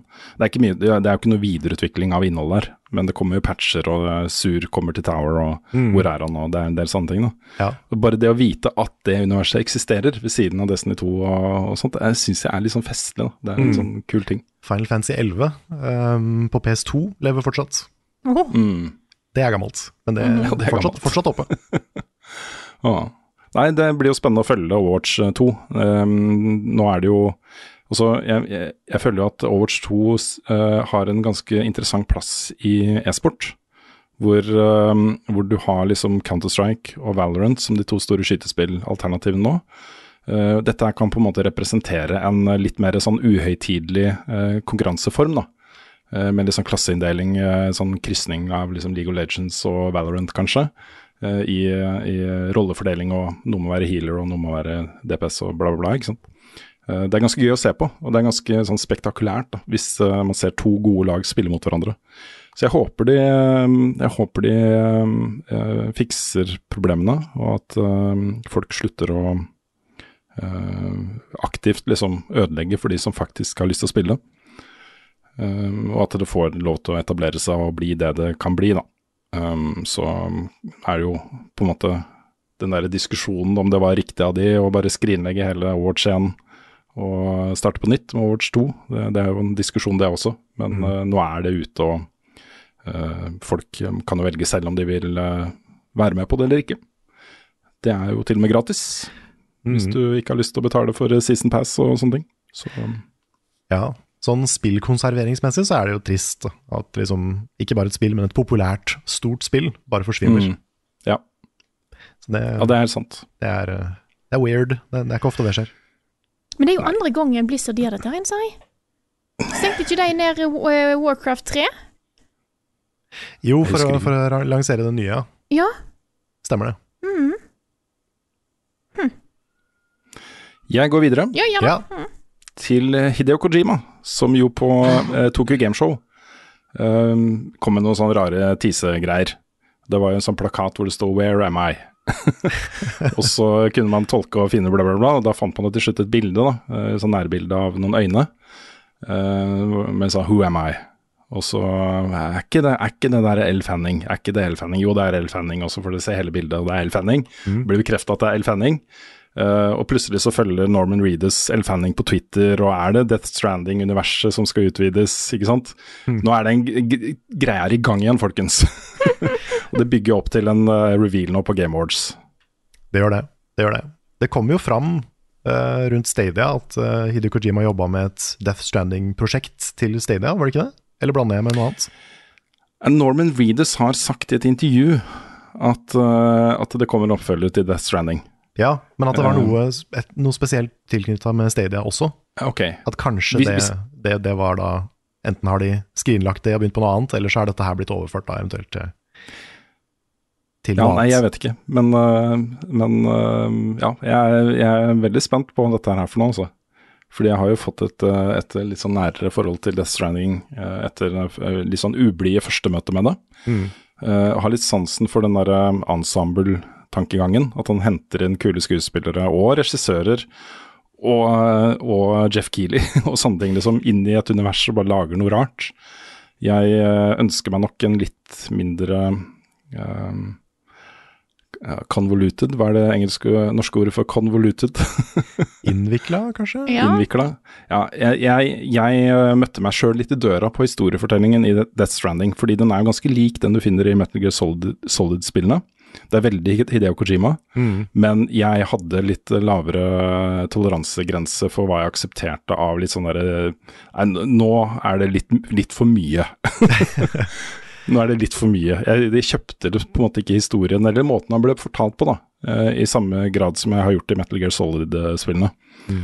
Det, ble, det ble litt for mye også. Jeg digger historien i seg selv, også sånn rammen i den og plottet, liksom, er dødskult. Mm. Men jeg syns den ble litt sånn anstrengt fortalt, da. Um, så jeg, jeg, det er der jeg gjerne vil ha litt sånn at han skrur det til litt, da. Og strammer det inn litt, og ikke er fullt så Ikke sant. Men, uh, men det er dag én-spilling for meg, det også. En oppfører til Death Stranding er uh, superspennende. Så eh, Og uansett, jeg syns El Fanning er en veldig, kult valg for en, en litt sånn atypisk spillrollefigur. Uh, jeg er veldig glad i henne som skuespiller, jeg syns hun er eh, utrolig flink. Uh, og så eh, sånn rent visuelt så syns jeg hun passer godt inn i et Hideo, Hideo Kojima-spill. Jeg fikk en idé nå om hvem hun kanskje spiller, hvis det er Death Stranding-relatert. Mm. Men det skal jeg ikke si, for det blir litt for spoiler. Ok. okay. Uh, Fifa 23 er også lansert. Det hadde da en ny rekord i antall spillere første uke. Det var 10,3 millioner eh, spillere første uka, Fifa Wow. 23. Da nevner jeg at uh, vår nye sportsspillanmelder Bendik er i gang med en anmeldelse. og Da kommer det da for første gang på sjukt lenge en anmeldelse av et Fifa-spill på Level Up-kanalen vår. Det gjør det. Så det blir, det blir bra. Jeg er spent på om han gjør det fra badekaret. Det blir spennende å se. Det blir spennende å se. Det, men det er Ted Lasso vet du, som gjør at det er så mange som spiller. Ja, det er nok La oss håpe det. Det er, det er Richmond. Mm. Nei, det er fortsatt mye kritikk da rundt, øh, rundt øh, den FUT-modellen øh, i spillet, og kortpakken og sånne ting. Mm. men det, er- det at det er 10,3 millioner Jeg kan bare sitte og si det Ja, jeg forstår at dere syns det er kjipt, og så kan du bare tørke tårene med sånn dollarseddelbunker, Ja. ikke sant. Mm. Det, Tørke seg i ræva med 10 000 lapper.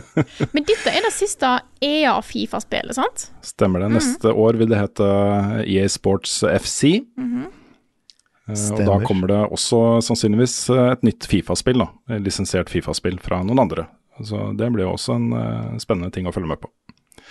Greit å ha en sportsprogrammelder i en sånn situasjon, hvor det plutselig skjer ting innenfor fotballspilluniverset. Helt sant. Mm. Final Fantasy 7 Battle Royale-spillet The First Soldier, eh, som er tilgjengelig på mobiltelefoner, vil da ikke være tilgjengelig på mobiltelefoner lenger fra den 11. januar. Det er da bare litt over et år etter at det ble lansert, så legges det ned. We hardly knew ye. Ja, det er litt sånn. Det Mm. slo, slo vel ikke an i det hele tatt. Nei, jeg tror, men jeg tror problemet var at det var på mobil. Og Mm. for jeg, jeg, altså Ideen om et Final Fantasy 7 Battle Royale er jo veldig veldig rar til å begynne med. Ja. Det er sånn, JRPGs og Battle Royals kunne ikke vært lenger unna hverandre Mm. i, i sjangre. Men, eh, men hadde det kommet på Steam, liksom, så hadde jeg testa det. Mm. Og sånn tror jeg veldig mange har tenkt. Fordi det er jo Publikummet til Final Fantasy 7 er liksom ikke på mobil. Nei. Så um, jeg tror det var kanskje det største problemet. Nå har jeg ikke noe inntrykk av om spillet er bra eller ikke, jeg har ikke testa det. Nei, Det er jo en del utfordringer her også. Det er jo da noen som har eh, engasjert seg i dette universet. og Det er jo et free to play-spill. Men eh, det er jo masse mikrotransaksjoner og, og cosmetics og ting du kan kjøpe i det spillet. Mm. Um, og det kan du fortsatt gjøre, da. Eh, Du kan ikke kjøpe nye sånn in game-valuta for ekte penger lenger. Det, det er det lagt ned. Men hvis du har noe fra før, så kan du fortsatt bruke det. da. Men dette, dette handler jo om å investere i et virtuelt univers, også i en hobby hvor du bruker faktisk penger på å liksom um, gjøre ting med din tilstedeværelse i dette universet. Uh, og hvis du er da veldig engasjert, dette er viktig for deg, liksom, dette er en viktig del av livet ditt, du spiller det hver dag, du har en vennegjeng, bla, bla, bla, så er det jo ganske dramatisk at ting bare legges ned. Mm. Men uh, det, er, det er bare å venne seg til, tror jeg. Det er uh, Ja, det er ikke lenge siden uh, det, det Kingdom Hearts-mobilspillet, som jeg ikke spilte i det hele tatt. Um, jeg har aldri brukt penger på det. um, at det forsvant, det er uh, ganske kort tid siden. Så uh, det virker som ganske mange uh, Square Enix-mobilspill legges ned om dagen. Ja. Det er ganske mange av de også. Dette er litt sånn også en case av at man prøver. Her har du et ekstremt lukrativt marked som alle vil ha en del av, og så prøver man. Og det er jo det Netflix gjør også, med det å starte spillstudioer og begynne å utvikle spill og alt dette her. Det er uh, eh, veldig mange mennesker som spiller mobilspill. Det er det. Men det kommer jo også et annet Final Fantasy 7 mobilspill eh, som heter Ever Crisis. Og det, det er mye mer historiefokusert, og det er singleplayer og, og sånn. Men eh, jeg er veldig spent og litt bekymra for hvor mye mikrotransaksjoner det kommer til å være i det. Det kommer til å være mye mikrotransaksjoner, Karl. Det er akkurat det. Jeg vil ikke at det skal være det, men det er jo det. Sånn er det. Ja, jeg bare håper det kommer en, eh, en versjon du kan kjøpe som ikke har de, eventuelt. Ja, dream on. Ja. Eh, en veldig spennende, VR-utgivelse er eh, nå eh, rett like, like unna. Among us VR kommer nå 10.11. har fått dato til da MetaQuest, til Oculus Rift og til Steam. Dette er også et spill som står på listene til, over ting som skal komme til PlayStation VR2. Og jeg syns i utgangspunktet dette er et litt sånn perfekt spill å prøve VR til, fordi det er litt den der håndtegna stilen. Du trenger ikke sånn voldsom grafikktungt. Og så løfter du Du senker, du senker på en måte perspektivet på den måten, og da blir jo disse her eliminations og det å gjemme seg og utføre tasks og eh, hva skjer bak meg nå, liksom, blir en egen greie, da, som eh, passer utrolig godt til det formatet. Så um, jeg har sett litt buzz rundt akkurat den utgivelsen. Eh, Jeg tror det kan bli eh, ganske bra, altså. Det er en veldig god idé til et spill. Samtidig så må du ha ni venner med VR-headset, da. Ja. Ja, jeg så noen kommentere det på Twitter, hva var det de sa ja, da den datoen kom. Uh, bare sånn Ja, nå er det på tide å samle de, de åtte vennene mine med mest clout og starte en uh, stream. det, er litt, det er litt sånn det blir, da. Ja. Det er, men uh, Among us har jo en ganske god uh, bare matchmaking-greie, liksom. Eh, ungene mine spiller jo av og til Among us med bare random folk fra hele verden på disse online-serverne. Så det er jo åpenbart mulig å sitte aleine med et headset og spille Among us. Ja det er sant det. Så, men jeg, jeg føler liksom at eh, det skjer ting innen VR nå. Jeg er veldig spent på PlayStation VR 2-utgivelsen. jeg så at, eh, at Meta akkurat lanserte et eh, nytt headset nå, til 19 000 kroner. Oh boy. Det tror jeg mynta litt mer mot businessmarkedet, kanskje, siden det er så dyrt. Eh, Men formfaktoren er jo faktisk på den er veldig fin. da. Det er et standalone-sett uten kabler, med ganske høy oppløsning. Eh, Jeg tror det var 74 hertz. Eh, Så det er i hvert fall over 60, som det må være. Og den passer liksom greit på hodet. Litt tyngre enn de andre Oculus, de andre Meta-headsetene, men eh, eh, gode spekk, så du kan bare sette den på hodet, og så funker det, ikke sant. Det er fint å, Eh, ha, sånn- fint å ha et sånt headset, så kan du bruke, hvis du har det i business-sammenheng, sant, 19 000 kroner, og så kan du være en av de, hva er det, 40 aktive brukerne av Metaverse. Eh, Ja. Det er nok da de satser på å bruke der. Og Zuckerberg har jo, opp, han har jo funnet opp bein. Ja, jeg så det, og nå kan du hoppe. Ja. Ja. Altså, jeg, jeg har én stor issue med å dekke VR. Um, og det er en, en situasjon som um, Jeg skal ikke dra den altfor langt, da, men uh, diskuterer jo liksom hvordan skal vi dekke VR med, med de sjefene mine i NRK og sånne ting også. Og jeg har ikke lyst til å gi Meta oppmerksomhet på det. Også Metas visjon av hva VR skal være, er jeg så sterkt uenig i. da. Og Det overbyggende spørsmålet her er liksom, ok, vi er på vei inn i virtuelle verdener, og en framtid hvor virtuelle verdener er viktig, og man blir innbyggere i virtuelle, virtuelle verdener på en helt annen måte enn vi er i dag. Hvem er det som skal være ordfører i disse verdenene? Er det Mark Zuckerberg, liksom? Nei, det er ikke det. Jeg vil ikke ha Mark Zuckerberg som ordfører i den verden, og all, den derre algoritmene og annonser og eh, kommersialisering av meg som person og alle disse tingene som Meta står for, da. Helt uinteressert. altså Jeg har ikke engang lyst til å anmelde spill til Meta. Nå beklager jeg, altså, nå blir jeg ganske politisk. Ja, jeg er burde kanskje liksom holde meg litt, uh, Ja, litt mer nøytral til akkurat det spørsmålet, men det her plager meg, altså. Ja, Nei, men jeg synes det er innafor. Helt enig. Mm.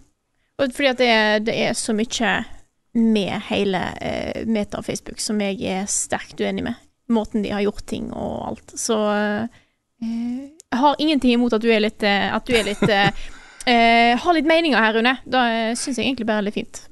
Vi beveger oss inn i William Gibbs, Gibsons uh, univers her, liksom. Med framtiden og folk som eksisterer i virtuelle verdener, og man har virtuelle versjoner av seg selv og, uh, og sånt. Og um, det, det er helt åpenbart at en, en fri, uavhengig verden her er jo, det er jo der man vil være. Ikke sant? det er der de kule opplevelsene kommer til å være. Og, og sånt. Og tenk da om det blir sånn at man blir pressa til å, litt på samme måte som, eh, som uh, myndigheter og hele verden, og statlige organer og, og sånt, blir tvunget til å bruke Windows operativsystem. Ikke sant? Du har ikke noe valg, du kan ikke bruke noe annet, for det er det de inngår avtale med Microsoft om. ikke sant? Så da må det være på alle maskiner. må Det være det. Det kan fort bli sånn, altså. Det kan fort bli sånn. Tenk om, eh, tenk om Meta begynner å kjøpe opp liksom, konkurrentene over en lav sko, ikke sant? og plutselig så sitter de og eier hele markedet, og så er det det vi må forholde oss til. Da blir jeg analog, ass. Ja, en, jeg så en, jeg tror det var en tweet, og nå husker jeg ikke nøyaktig eh, ordrett hva, den, hva det var, men eh, den var veldig morsom med sånn eh, sci-fi-forfatter. Ikke bygg Murder Corp. Og så, og så sier da tech-folk kanskje vi skal bygge Murder Corp? Ja, det er litt sånn. Og så må jeg også legge til at uh, det, er ikke, det er ikke sikkert Sony er uh, like altruistisk i sin eh, bygging av VR-plattformer heller, liksom. Eller Microsoft, for den saks skyld. Men, men her, må, her må EU og, og lovgivende myndigheter på banen også regulere disse verdenene, fordi ja, ellers så går det gærent. altså. Det går Ja. skikkelig gærent. Ja, det, det- kom, det kommer til å være en lesser evil, på en eller annen måte. Helt sikkert. Helt så sikkert. så det, det er noe med å i hvert fall prøve å finne den. Mm. Jeg kan si at jeg sjelden går rundt og på en måte sitter og godter meg over at ting går dårlig, men akkurat at Metaverse ikke har brukere, inkludert at det har kommet sak om at de interne i Facebook heller ikke har lyst til å bruke det, Ja. da, da, da sover jeg godt om natta, altså. Det gjør jeg. Mm. Vi har jo litt den situasjonen i dag, da. Hvis du ser på internett generelt, liksom, hvor kommersialisert den har blitt, og hvor mye cookies og pop-ups og du må akseptere og ikke akseptere og reject all, og det er liksom et mareritt, da. Eh, Men du har jo, du har jo en undergrunn på internett. Du har liksom Tor-nettverk og, og eh, dark web, liksom. Hvor eh, du har hele spekteret av ting som er veldig ulovlig, til bare ting som ikke er akseptert på Facebook sine plattformer og den type ting. da. Eh, og da er vi litt over i den derre sånn Cyberpunk 2077 og uh, augmentations, og at man liksom får et alternativ univers hvor ting er litt farlig, da, litt sånn skummelt og, og kanskje litt ulovlig, men uh, kanskje også ganske kul. Man kan dra på på veldig spesielle um, gledeshus, skal jeg bruke det ordet? Ja, Tenk på når du kan bytte Pokémon-kort med folk og Da Eller det, da. Eller det. Eller det. Greit. Dette her blir en en av de store samtale... eh, Et av de store samtaletemaene for de neste 10-15-20 åra. Garantert, oss. Garantert. Uh, og det er litt skummelt å tenke på at uh, også når man sliter med å, i, blant politikere, å forstå lootboxer Hvordan skal de forstå dette, liksom? Mm. Men det må de bare gjøre, oss. Det må de bare gjøre. Det er jo det kjente klippet med Mark Zuckerberg i Kongressen, eller hva det var. Uh, Ja. Skal prøve å forklare tech til en gjeng med pensjonister. Det går ikke, vet. Det går ikke an. Nei. Og apropos da, Cyberpunk i 2077, det er jo noen nyheter knytta til det også. Det har fått en ny vår i forbindelse med Edge Runners, eh, TV-serien på Netflix. Um, uh, ja, det er tre forskjellige saker her. Uh, det, CD Projekt Red har kommet med en guide til hvordan man overfører da Stadia-saven til en PC-versjon av spillet. Det gjør man da via noe som heter Google Takeout, som, eh, som er en mulighet da, til å transformere data fra en ting til en annen ting. Uh, og Det vil da være mulig å både overføre det til en, en uh, Steam-versjon og til en Good Old Game-versjon av spillet, men du må jo da eie, eie spillet på noe annet enn Stadia også, for å kunne gjøre det. Men det finnes en guide, da, hvis du har, hvis du har spilt Cyberpunk 2077 på Stadia. Uh, og dette vil nok komme for forhåpentligvis da, de fleste av de andre spillene som, som folk har saves, som betyr mye for dem på Stadia, nå som det legges ned. Um, det har også kommet en mod til uh, Cyberpunk 2077 på PC, uh, som heter Wannabe Edgerunner, som introduserer da Cyber Psychosis-systemet fra TV-serien til uh, spillet. Uh, og så kommer det en bok neste år som heter uh, No Coincidence, en Cyberpunk 2077-bok, uh, skrevet av en polsk forfatter som heter uh, Rafal Kosik. Um, som um, eh, jo er en del av da å på en måte satse på det universet der. Det kommer jo også en oppfølger til Cyberpunk 2077, tidligst i 2024 etter det jeg fikk med meg. Uh, så dette er, har kommet for å bli, um, og har på en måte fått lov da til å etablere seg i større grad enn de gjorde da det kom. Og så da, Vi har jo vært ganske gira på uh, Street Fighter 6 helt siden vi så den første traileren. Det er bare noen uker siden vi gjorde det, et par måneder siden. Eh, og det spillet har jo, Carl, en character creator. Ja, det er det. har, Ja. har du sett de karakterene folk har lagd? Ja, det de er er- jo Turbogun. De er, det er. Turbogun. Ja, det er, det, er tur, det er Turbogun, og det er skipperen, og det er alt mulig. Det er kjempegøy. Ja, ja. Nei, dette her begynner å forme seg til å bli et fightingspill som, eh, som virkelig er noe for level up, da. Mm. Så, så det er utrolig stilig. Jeg syns det er kult at de gjør det. At ikke det bare er de der beefcakene fra en, en fastsatt roster. At det faktisk er mulig å lage din egen. Det er kult, altså. Mm. Det er morsomt. Jeg lurer på hvordan det påvirker e-sport. Der tror jeg du nok blir nødt til å bruke uh, ferdig lagde karakterer. Ja, det er ofte sånn, ofte sånn tier lists og uh, karakterer som ikke er lov og, og sånne ting. Mm. Så jeg tipper jo hvis du kan skreddersy din egen figur, så kan det fort bli litt urettferdig, muligens. Mm. Mulighet for det. Nei, Grunnen til at jeg tok dette som nye sak, er at det var jo en demo ute nå som er, har blitt testa bredt. av uh, folk over hele verden. Jeg har fulgt litt med på Vi har et par uh, ekstremt habile eh, Street Fighter pros her i Norge. Um, Finum er jo en av verdens beste Street Fighter-spillere. Jeg har fulgt med på hvordan han har reagert da, på, på den demoen. Og han er eh, overbyggende veldig fornøyd. Han har eh, noen issues, og det er jo derfor man har en demo. De vil ha tilbakemeldinger på hva som funker og ikke funker. Det blir litt for nerdete å, å, si akkurat hva det er, men uh, det er, virker som ganske, ganske um, sannsynlig at pro-community kommer til å omfavne Street Fighter 6 når det kommer. Og Det er Mm. spennende også. Det er kult. I hvert fall etter at Street Fighter 5 på launch var så bare bones. Mm. Så det er kult med et skikkelig comeback. Mm. Så det er liksom både Street Fighter og Tekken ser bra ut. Det er gøy. Ja, det er kjempegøy. Det er kjempegøy, altså. Uh, creative director Dinga Bakaba i eh, Arcane har vært ute og bekrefta at Deathloop er i samme univers som Dishonored. Og det var jo en del sånne hint da, i, eh, i Deathloop. Man kunne se liksom uh, Dunwall Tower på et våpen, og det var liksom noen gjenstander og ting og tang. Dette foregår da i en av de mange mulige fremtidene etter Dishonored foregår da Deathloop. Det er litt spennende at de, at de eh, ser på på en måte sin, sitt univers, da. For dette er jo et, et veldig godt etablert univers med to uh, Dishonored-spill. uh, Deathloop, masse delelse osv. De har virkelig bygd et veldig veldig stilig univers her. uh, som har da åpenbart uh, mange muligheter til, til ekspansjon. Er det ikke samme greia med Assassin's Creed og Watchdogs? Jo, det også var en sånn greie. Jeg tror de også er Nå husker jeg ikke om det er confirmed eller ikke, at de er i samme univers, men det er i hvert fall mye hint om det. Mm. Og så avslutter jeg med en, en, en, eh, No Man's Sky-sank. Da har det kommet av 4.0-versjon av det spillet, som heter Waypoint. Eh, Og nå har vi da hatt gudene vet hvor mange år. Når var det det kom? Er det sju år siden eller noe sånt? Gud, det har holdt på lenge. Ja, eh, seks, jeg husker ikke. Eh, og det er fortsatt gratis, liksom. Hvis du eier en kopi av det spillet. Alt som har kommet ut i løpet av det, alle disse årene, er, er det bare gratis for alle som har spillet. Eh, og det denne oppdateringen her gjør, da, først og fremst altså Patch notes var jo langt som et vondt år. Det var så sjukt mange ting det endret på. Alt fra uh, menyer og UI til uh, systemer og questlines, og du har en chill mode som heter Jeg tror den heter Det heter ikke easy Jeg lurer på om den heter chill mode. jeg. Hvor, hvor ting altså du, Det er mindre kostbart med ressurser og bygge ting. Og, og det, det er fortsatt liksom eh, motstand, men mye mindre da enn å spille på normal, liksom. Eh, og mer enn når du spiller på, på um, creative.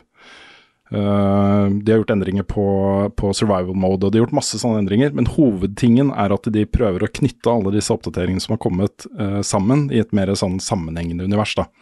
Eh, For du har liksom utrolig mange oppdateringer som gjør hver sin ting, liksom. Nå prøver de å liksom samle det, sånn at det blir lettere for nye spillere å komme inn i No Man's Sky og spille alt det innholdet som er der. Det spillet har blitt så bra, altså. Jeg spilte det jo igjen i sommer. og Det er så mye fett der, altså. Det er et så Jeg blir så glad inni hele meg for at det spillet har fått den eh, utviklingen som det fikk. For det, det, ja, det fins ingenting som ligner der ute. Selv om det er elementer som man kjenner igjen fra andre spill, så er det ingen som er i nærheten av liksom akkurat den måten å gjøre det på. Så hvis du er glad i space og bygging og sånn Subnautica, Minecraft-lignende greier og exploration og, og litt sånn uh, high sci-fi, det er en del kule historietråder å følge i det spillet her som jeg syns er dritstilige. Så er det verdt å ta en titt, altså. Hva er dines best, hvor var fredag sist? Har Carl egentlig sopp? Ukens spørsmål. Denne uka her starter vi med et spørsmål fra Kenneth Fredriksen. Han spør lite spørsmål angående PlayStation 5. Mister vi garantien hvis vi ønsker å installere ekstra SSD-harddisk på PlayStation 5? Vi må jo opp med coveret for å installere harddisken. Hva vet dere om dette? Og Rune, du har svaret. Nei, jeg googla, og øh, du mister ikke garantien. Eh, Sony har, øh, har gjort det med vilje, da. Veldig lett å bytte den harddisken. Det er bare opp med en liten cover, og så nappe ut, og så sette inn, og så, er du på en måte, så har du gjort det. Eh, Du trenger ikke å skru opp masse ting og øh, åpne opp maskinen, liksom, utover det. De har en egen plass på maskinen som du får tilgang til, bare du tar av det coveret, liksom. Så, så det er eh, innenfor garantien, og det er meningen, og de lanserer jo sine egne uh, SSD-disker også, som, uh, som det er meningen at du skal kunne kjøpe og bytte, bytte ut. Så, um, så sånn som jeg har forstått det, i hvert fall, så er det bare å kjøre på. Nice. Da har vi oppklart det. Da tar vi et eh, spørsmål til her. Eh, Dette er fra Christer Horne, som spør hvordan bestemmer dere hva spill dere skal anmelde? Hvem som anmelder? Er, er det jeg tar den, eller styrer Rune skuta med stødig hånd? Um, til det siste så, så er det kanskje mest aktuelt for frilanserne, eh, egentlig. Hvor, eh, hvor de nye som har kommet inn, har jo fått ganske eh, spesifikke roller med ting de skal gjøre. Uh, men selv der så er jo utgangspunktet hva har du lyst til å anmelde. Mm. Så, så da er det mer sånn at nei, det blir kanskje litt langt utenfor. Om et år kanskje, etter som det har blitt litt etablert, så kanskje, ikke sant. Mm. Men uh, foreløpig så holder vi oss til, uh, til den sjangeren som, ikke sant. Ja, vi har jo allerede Um, satt Early Access-mannen vår på Monkey Island, så det, vi gjør jo unntak. Ikke sant. Det kan gå fort. Mm. Så nei, det er jo veldig, det er veldig basert på hva vi eh, selv har lyst til å bruke tid på. Og utgangspunktet for det er jo at, eh, at eh, det blir gjerne bedre videoer og anmeldelser hvis man er engasjert. Mm. Jeg kan se Engasjement på- og kunnskap hjelper. Mm. Jeg kan se på det eh, over sju år jeg har jobba i Level Up, så har jeg aldri anmeldt et spill jeg ikke har hatt lyst til å anmelde. Mm. Jeg har aldri blitt tvunget til å gjøre noe. Mm. Det hender jo vi tar noen runder hvor det kommer et spill som jeg føler, eller noen av oss føler, at det bør vi anmelde. Og man tar en runde, er det noen som har lyst? Og hvis ingen sier ja da, så får vi jo disse hullene som vi snakker om, ikke sant. Hvor vi, nei, da blir det ikke anmeldelse, da. Um, det har vel hendt at noen har tatt den for laget også, uh, og følt litt på det ansvaret at uh, jo, dette bør vi nok anmelde. Og så har man gjort det. Jeg husker ikke hvorfor jeg anmeldte Dominic Pampelmus. det var et sånt lite indiespill på Steam jeg bare fant. Ja. Husker ikke hvorfor jeg endte opp med å anmelde det, men, eh, men jeg har noen sånne rare, spesielt i starten. Mm. Men, eh, men vi har jo veldig mye frihet til liksom hva vi velger å, velger å lage noe på. Det er ofte Mm. når man har en idé og en eh, visjon for videoen at det blir best. Men du, Rune, har jo veldig oversikt, føler jeg. Sånn at det er jo flere av spillene jeg har anmeldt og likt veldig godt, som har kommet fra deg. Eh, Mm. Med en melding fra deg med spørsmål om 'Dette spillet her, kunne det vært noe for deg?' Eh, og da, Mm, ja, alltid 3 for eksempel. Bajonetta 3 var helt klart et sånt, ja. Men du har jo Mm. alltid truffet. Det må jeg innrømme. Night in the Woods og sånt, liksom. Ja da, jeg, jeg har grei oversikt. Um, jeg, jeg føler at uh, jeg har blitt ganske flink, i hvert fall uh, uh, siste årene, til å snappe opp de der boblerne. De som bare dukker opp, liksom. Uh, og det prøver vi å få tatt så mange som mulig av, da. Um, det, det er jo greit å sende ut det da på høring, hvis jeg ikke har tid til å gjøre det selv. Uh, og så er det jo også sånn at uh, jeg spiller jo veldig mye som jeg ikke anmelder, men som jeg gjør mye da, fordi jeg har lyst bare til å spille og ha en mening om det og, og et forhold til spillet. Og så snakker jeg om det i podkasten, og så har vi på en måte dekka det allikevel. Um, men um, akkurat de anmeldelsene er det er eh, både Man får så mye tid man vil på å få den ferdig. Det er ikke noe press på Det er, må være ute til sperrefrist, liksom. Eller senest tre dager etter lanseringen. og sånne ting. Det er ikke noe av det, ikke sant. Nei, da hadde, da hadde ikke jeg hatt mange anmeldelser, nei. Det er kvalitet på videoen er pri én, liksom. Du må være fornøyd med, med det du lager. Det er er det- vik- viktigere. Det er også litt sånn filosofisk i det at spill er Spill har ikke bare verdi den første uka det kommer, på en måte. Mm, Det er fortsatt verdt å snakke om spill etterpå. Mm. ja. Med mindre det kommer til Stadia, da. Hvis det kommer Ja. til Stadia nå, liksom, så Ja, da- er det kanskje greit å være kjapt ute med å anmelde det. Er det Det ville vært et rart valg. Veldig rart økonomisk valg å gi ut noe Mm, på ja. Stadia nå. Det hadde det. Men det var jo masse, massevis av utviklere som jobba med Stadia-spill, som Ja. nesten var ferdige og nesten ute. Som fikk Mm. beskjed på nyhetssider om at det var kansellert. Nå er det jo Mm. mange andre streamingtjenester der ute, og andre plattformer man kan eh, publisere til, så det vil nok skifte over. Men det er eh, noen utgivere som det går hardere utover enn andre. Ubisoft f.eks. har jo vært veldig omfavna veldig. Mm. Stadia. Jeg tror litt av problemet også har vært det at de hadde en, eh, de hadde en avtale hvor de skulle få betalt i um, ut ifra liksom salg og tid som ble brukt i Stadia. Mm. Så når da Stadia legges ned, så kommer jo aldri betalinga. Åh, Så det er, det er skummelt. uff. Ja, men det er ikke bra. Det, det er jo så, hele den der nedleggelsen, det er jo sånn Vi satt jo og snakka om det da det ble lansert. Mm. Og så da det ble annonsa, så begynte vi å snakke om Googles tradisjon for å teste ut ting og bare legge ned hvis det ikke funker. Mm. Uh, og da er det jo særlig liksom uh, modellen de valgte, da, med at du på en måte ikke eier spillene. Du leier på en måte bare en, en, uh, mulighet til å spille de. Samtidig som du må betale full pris. Ja, hvor- de hadde jo ikke noe alternativ, eh, i hvert, fall, i hvert fall ikke starten. Jeg tror ikke det kom heller, men hvor du betaler en sånn Spotify-modell. da. Fast månedlig sum, tilgang til alt, bare stream det du har lyst til å streame. Som jeg føler en sånn tjeneste må ha. Ja. Jeg, jeg lurer på om de fikk det mot slutten, at det var noen Ja, det kan hende det også. Det, Det men det, det, don't quote me on it. Nei. Men det var i hvert fall det jeg var mest kritisk til, da. Var, Mm. var den modellen de valgte. Men jeg kommer Streaming i seg selv er jo, har, har jo noe for seg, liksom. Det kommer jo til å komme. Ja, ja, ja.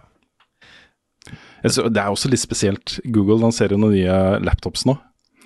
Uh, med, med GeForce Now ferdig installert. det er jo ikke sant. Nice. Ja, for, det- men, for det, det er noen hakk mer brukervennlig, at du kan liksom bruke Steam-biblioteket ditt, og Mm. Mm. der, der er du inne på noe. Veldig. Mm. Det skulle jo vært Stadia, sannsynligvis, egentlig. Skulle, skulle vært det. Yep. Mm. det. Jeg kommer alltid til å huske den pressekonferansen som, eh, som annonserte Stadia. Som basically begynte med sånn 'In the beginning there was light'. And then there was Stadia, liksom. Må, måten de bygde opp dette her som fremtiden og det neste og det store og revolusjonen og alt det her, det er, Mm. det er veldig morsomt når man ser tilbake på det. Ja. Det er- Spesielt i er- intervju intervjuene med han Google-fyren som sånn Ja, eh, som fikk spørsmålet Dere pleier jo å legge ned ting. Kommer det til å skje med Stadia? Nei, altså nå har vi gått virkelig inn for dette her, og dette skal vi holde på. Ja da, da eh, Yes. Yes. Det, Det det, var, det var også en sånn være- meme-kommentar, jeg husker ikke om nøyaktig hva det var, men noe sånn her I, I know my MP3s from my AG3s. Eller et eller annet sånt som bare ja, Ikke slu- slutt. Jeg har ikke lyst til å være sånn skadefryd på det heller, fordi jeg vet at det er noen som har eh, gått veldig all in på Stadia. Eh, Vi har jo hørt fra de, vi. Ja, ja, ja, absolutt. Jeg, jeg, mener ikke, jeg mener absolutt ikke det. Altså, det er bare den der, den der corporate måten å presentere det på, det er den jeg ler litt av. Ja. Ja, og det, det er jo Det er vel mer Det er veldig synd at det ikke gikk bra, for jeg tror Google helt klart hadde tenkt å satse mye på det. Så det er alltid trist når sånne ting ikke går. Eh, jeg tror vi skal gå videre til neste spørsmål. Rune, har du et på blokka?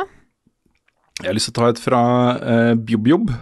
Jubb, jubb. Fint navn. Eh, Det er vel på Discord-serveren vår, tror jeg. Han vi kalte Bajab Job Ja, på kanskje det er Twitch, jeg. Tror Ja. kanskje det. Bjabbejobb. Ja. ok, Bjabbejobb. Nei, det, det er jo ikke det, uh, fikk vi beskjed om, men eh, jeg kan bare huske han som Bajabajob. Bajabajob. All right. Um, det er en han, jeg vet ikke. Er det en han? Hatspill. Eller hun? Hen? Skriver da Hei, i dag, lørdag, var CitizenCon, uh, og det er et Star Citizen-event. Lurte på hva dere i Level Up synes om ting som ble vist der. Er sykt hypa sjøl. Hadde vært spennende med et uh, ekspedisjon Early Access med Rune Andreassen og 4.0 kommer neste år. Og da er det vel Alfa 4.0 det er snakk om, vil jeg tro. Ikke en, eh, en eh, full release 4.0. Um, jeg har ikke sett presentasjonen. Jeg holder meg med, med vilje dette jeg snakket om før, men jeg holder meg villig litt unna, fordi jeg vil ikke bli for gira på det spillet før det er ferdig. Men uh, når, uh, når det bygges opp til en sånn type release, da, som 4.0, så uh, kan jeg jo nevne at Andreas og jeg har snakka om at det hadde vært kult å gjøre. Så um, vi har også en, en fyr på Discord som har vært som er veldig glad i Det er kanskje han, jeg vet ikke. Som er veldig glad i Star Citizen, som ville ha med meg på ting. da, Og jeg er klar for å gjøre det også, men det må være litt nærmere lansering. Det må være, ting må, det må være litt mer kjøtt på, på beinet for meg før jeg har lyst til å For jeg har ikke lyst til å bli tapt, fortapt i et univers som ikke er ferdig ennå. eh, Hvor det er bugs jeg må akseptere liksom for å være der. Hvor det er akkurat nok ikke sant, til at jeg blir værende. Så får vi se om det noen gang blir en full release av det spillet, eller ikke. Det blir spennende. Mm. Carl, har du et uh, liggende?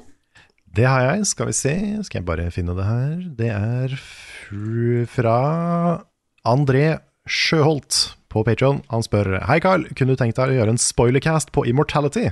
Jeg ble utrolig fascinert av historien i det spillet. Det må jo være et spill både for Rune og Nick også. Ikke bare Rune og Nick, tror jeg. Jeg tror det er ganske mange i Level Up som hadde digga det. Også. Frida også. Yes. Um, men um, jo, jeg har veldig lyst til å lage en spoilercast, men uh, jeg vil helst ikke lage den aleine, så da må jeg vente til noen andre har spilt det, i så fall. Men, men det hadde vært en veldig veldig fin uh, spoilercast. Og uh, det er jo et spill som kommer til å havne høyt på min liste på slutten av året. Det er veldig veldig verdt å spille, så uh, det hadde vært kult å få, få lagd noe mer på det. Mm. Jeg skal få spilt det før årsslutt, eh, jeg også. Som Nice. Jeg tror dere hadde likt det. Det er, sånn, det er jo et spill man enten elsker eller ikke kommer inn i, men, Mm. men jeg tror det er noe for dere, begge to. Og angående spill som kom til å være høyt opp på lista, og som hadde var mulig å lage spoilercast på, eh, så har bare for saktere, så har jeg og Carl eh, snakka om eh, mulig spoilercast på Xenoblade Chronicles 3. Ja, det, det må vi prøve å få til. Jeg har, jeg har en del på hjertet nå, nemlig. Fordi at tingen er at jeg, òg har ekstremt mye på hjertet, og jeg, jeg, jeg, jeg trenger å snakke om dette her. Jeg vil helst ikke høre på det, så det Ja. er fint at du tar en egen uh, spørsmål. spoiler. vi tar det midt i den vanlige podkasten. Yes. Wildcard-spalten blir en uh... Ja. Yes. Så da, nå, jeg, jeg, nå har jeg nevnt det, sånn at folk vet det. Det er mest fordi at jeg har så ekstremt lyst, så da, eh, da legger jeg press på, på, se på deg og Carl. Om at da må det bli noe av. Ja, jeg må, jeg må bli litt eh, friskere i halsen først, men da, da er jeg klar. ja, ja. ja. Vi tar det når, eh, når, eh, når vi har tid Yes. og stemmer. Kan jeg ta spørsmålet fra Marius Krinan? Ja. Ja. Er det noen spill dere kunne anbefalt til folk som elsket Dark, den tyske mystery-serien på Netflix? Man spoiler ved å beskrive. Ja. Det er jo et, øh, vanskelig å svare på, da, fordi, øh, fordi øh, den er jo veldig spesiell. og den type historier er liksom veldig godt egna for TV og film. Medie og bøker kanskje, men kanskje ikke fullt så vanlig spill. Nei, Dark har en veldig spesifikk vibe, Ja. Så det er vanskelig å finne den i spill, kanskje. Men det er mulig du finner den litt i sånn Oxenfree og den type ting. Ja, for jeg tenker litt mer på sånn derre Ok, hva er det som er eh, Hvis man skal hente ut noen essenser da fra serien, så er det liksom plot twists, kanskje. Litt sånn time travel.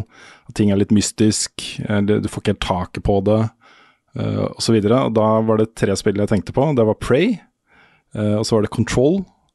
Control, Eh, er en veldig, Control er et veldig bra eksempel. Mm. Så, men dette det gir jo ikke i nærheten av akkurat den samme type opplevelsen, liksom. Og, men, men det er på en måte noe der da, som på en måte til, er tiltrekkende for den samme type publikum, kanskje. Og nå ikke fordi at jeg bare tar opp det spillet i alle, muligheter, alle muligheter jeg får, men eh, Outer Wilds. Jeg har også et godt valg der, også. Mm. Returnal, kanskje? Ja. Ja, det vil jeg si. Der, er det, der er det elementer. Mm. Og hvis du vil ha litt mer lystig time travel, så Kronotrigger, selvfølgelig. The Classic. Ja, jeg tenkte på Chrono Trigger. Det er ikke fullt så mørkt og dystert og mystisk, men, eh, Nei. men det har noe av liksom Det har den der time travel adventure-greia. Mm. Den er veldig, veldig veldig bra og veldig sånn, even, veldig sånn god eventyrfølelse i Kronotrigger. Mm. Skal vi ta et eh, spørsmål til her? Vi har fått enda et eh, angående hvordan vi jobber. Ja, Ja, Så kan godt svare på det. Mm, fra Trond Mom Gulbrandsen som spør Hei, fantastiske level up-gjeng. Jeg har lurt litt på hvordan anmelderprosessen er for dere. Hva er det dere legger vekt på for å trekke karakteren opp eller ned? Er det typiske nivå på hva dere føler blir for pirkete å sette fingeren på? Føles det, øh, føler dere en slags mal per sjanger på hva dere ser etter, eller er dette forskjellig fra spill til spill? Eh, og skriver òg Ha en strålende fortsettelse på uka. Vår golden retriever Bosse hilser òg. Han syns dere er helt påsom. Tusen takk. Påsom. Både fra, fra Trond og Bosse. Bosse. Bosse. Bosse. Bosse. Mm. Jeg hilser hvis Ja, masse nei, vi har- Bosse. Ja, åh, pokkeren også. Jeg må bare nevne hvor uh, utrolig hyggelig det var å komme hjem til hunden etter en uke på Kypros. Det var Ja. litt sånn Det tok, det tok en dag før hun skjønte, helt ut skjønte at jeg var tilbake. Og at jeg var der for å kose med henne og leke med henne og, og sånt. Men Mm. eh, da er ja, det er, Å, det er kos. Um, når det gjelder spørsmålet, så har vi har jo ikke noen mal for anmeldelser eh, i det hele tatt, liksom. Men vi har jo på en måte litt hver vår måte å jobbe på. Følger kanskje noen sånne interne um, regler da, for anmeldelser uh, hver for oss. Mm. Um, og det, det kan nok begynne å ligne på en slags mal. Men rent sånn generelt så vil jeg tro det felles for oss alle er at vi da ikke på en måte henger oss så mye opp i sånne små detaljer og lar det liksom styre hele vår mening om et spill. Eh, men at det er mer helhetsinntrykket man sitter igjen med etter at rulleteksten har kommet, etter at man har vært såpass mye i, i det spillet at eh, man, man har et, en overbyggende holdning til det. Mm. Det er, og så begynner man å konstruere en, en tekst av et manus og en, eh, en, en storyboard for en video basert på det. Mm. Og da er min, mitt ene ting som går igjen, er at, eh, at jeg prøver å finne liksom det mest sentrale poenget eh, av hva jeg henta ut av den spilleopplevelsen, og så bygger jeg anmeldelsen rundt det. Om det er et punchline som kommer liksom helt i starten, eller om det er en overgang, eller om det er konklusjonene jeg liksom vil variere fra gang til gang. Men jeg har alltid en idé om hva er det viktigste jeg vil formidle om denne opplevelsen jeg har hatt. Eh, og så bygger jeg resten av teksten ut fra det, da. Ja, det er nok, eh, som du sier, den største tingen er den derre at vi anmelder helheten. Ikke, vi stykker det ikke opp i liksom grafikken er så bra, og storyen er så bra, og gameplay er så bra. Det, det er ikke sånn Mm. vi tenker i det hele tatt. Jeg tror jeg snakker for alle når jeg sier det. At Det er veldig lett at du Jeg får på en måte ofte segment om at Nå skal jeg snakke om den biten, nå skal jeg snakke om den biten. Men det er ikke sånn jeg tenker at ja, nå har jeg kryssa at jeg har snakka om den tingen, og nå har jeg kryssa at jeg har snakka om den tingen. Nei, sant. Eh, ja. Mm. Men sånn, sånn teknisk, da, måten eh, i hvert fall jeg gjør det på, er å aller først spille gjennom, ta opptak, eh, så skrive et eh, manus etter eh, aller helst etter rulleteksten, som regel. Um, og så kjøre voice, klippe ferdig lyden med musikk og, og alt, og så ta liksom bildet til slutt, da. Finne klipp Mm. som, som matcher det, det man snakker om. Og så er ofte terningkast da, eller, eller 1-10-scoren det siste jeg bestemmer meg for. Mm. Etter, at, etter at jeg har skrevet hele teksten. Um, fordi det vi- vipper ofte, og den, akkurat hva jeg ender opp på er ikke så viktig for meg. Da. Men jeg vet det er viktig for mange andre, så, så jeg bruker en del energi og tid på å tenke gjennom hva er den riktige scoren for dette spillet her. Ja, jeg også føler at scoren er mye viktigere for publikum enn det er for meg. Mm. Ja, for jeg òg er sånn eh, Jeg syns at dette her med å sette en score har nesten blitt en sånn ettertanke som jeg gir etter hvert. Bare sånn Å ja, jeg må sette en score. Mm. Hva, og da blir jeg litt sånn jeg, jeg eh, nesten har glemt å tenke over det underveis. Og blir sånn OK, hva, hva score skal dette her få? Jeg vet jo akkurat hva jeg mener, for jeg har nettopp skrevet to sider tekst om hva jeg syns om det. Men eh, Mm. jeg syns det er en interessant eh, ting. Det var, det var mye viktigere for meg i starten. Det var liksom Mm. da noe av det første jeg bestemte meg for. For det var da jeg var Som seer så er det da du ofte blir litt opphengt i òg. Mm. Så er det noen spill det er mye lettere å sette score på enn andre, da.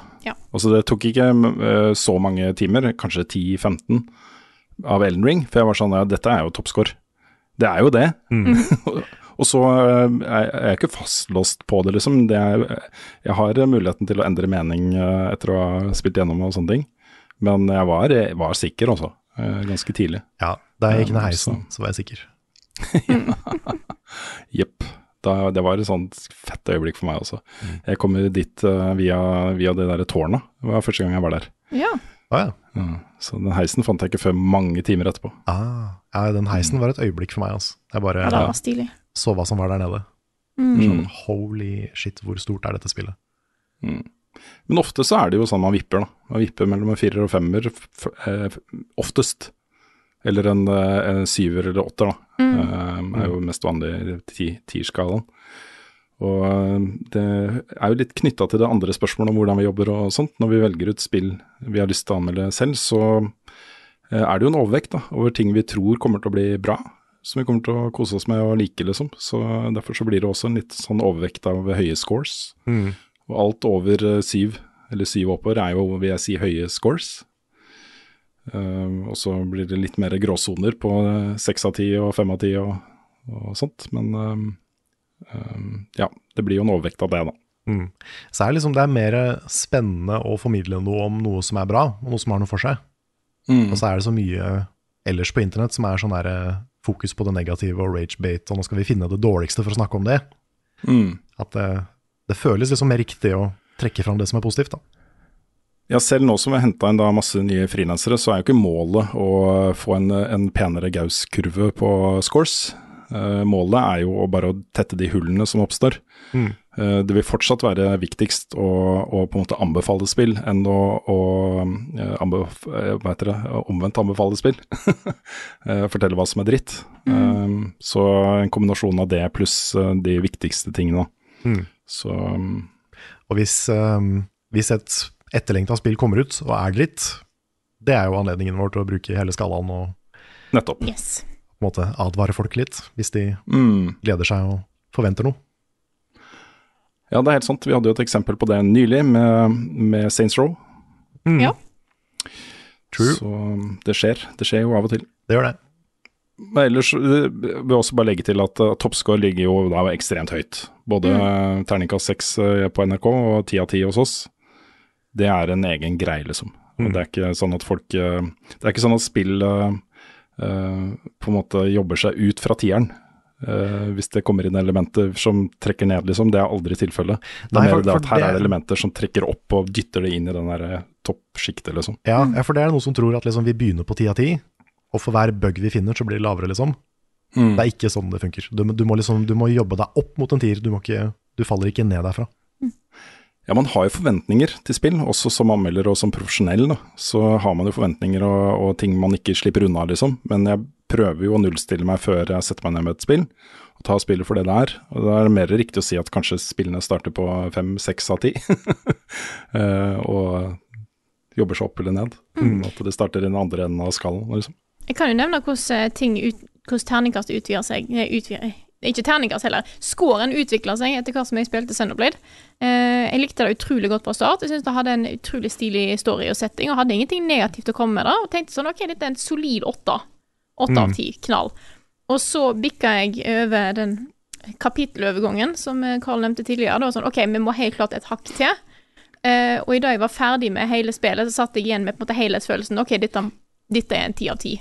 Uten Ja, uproblematisk ti av ti å gi for meg.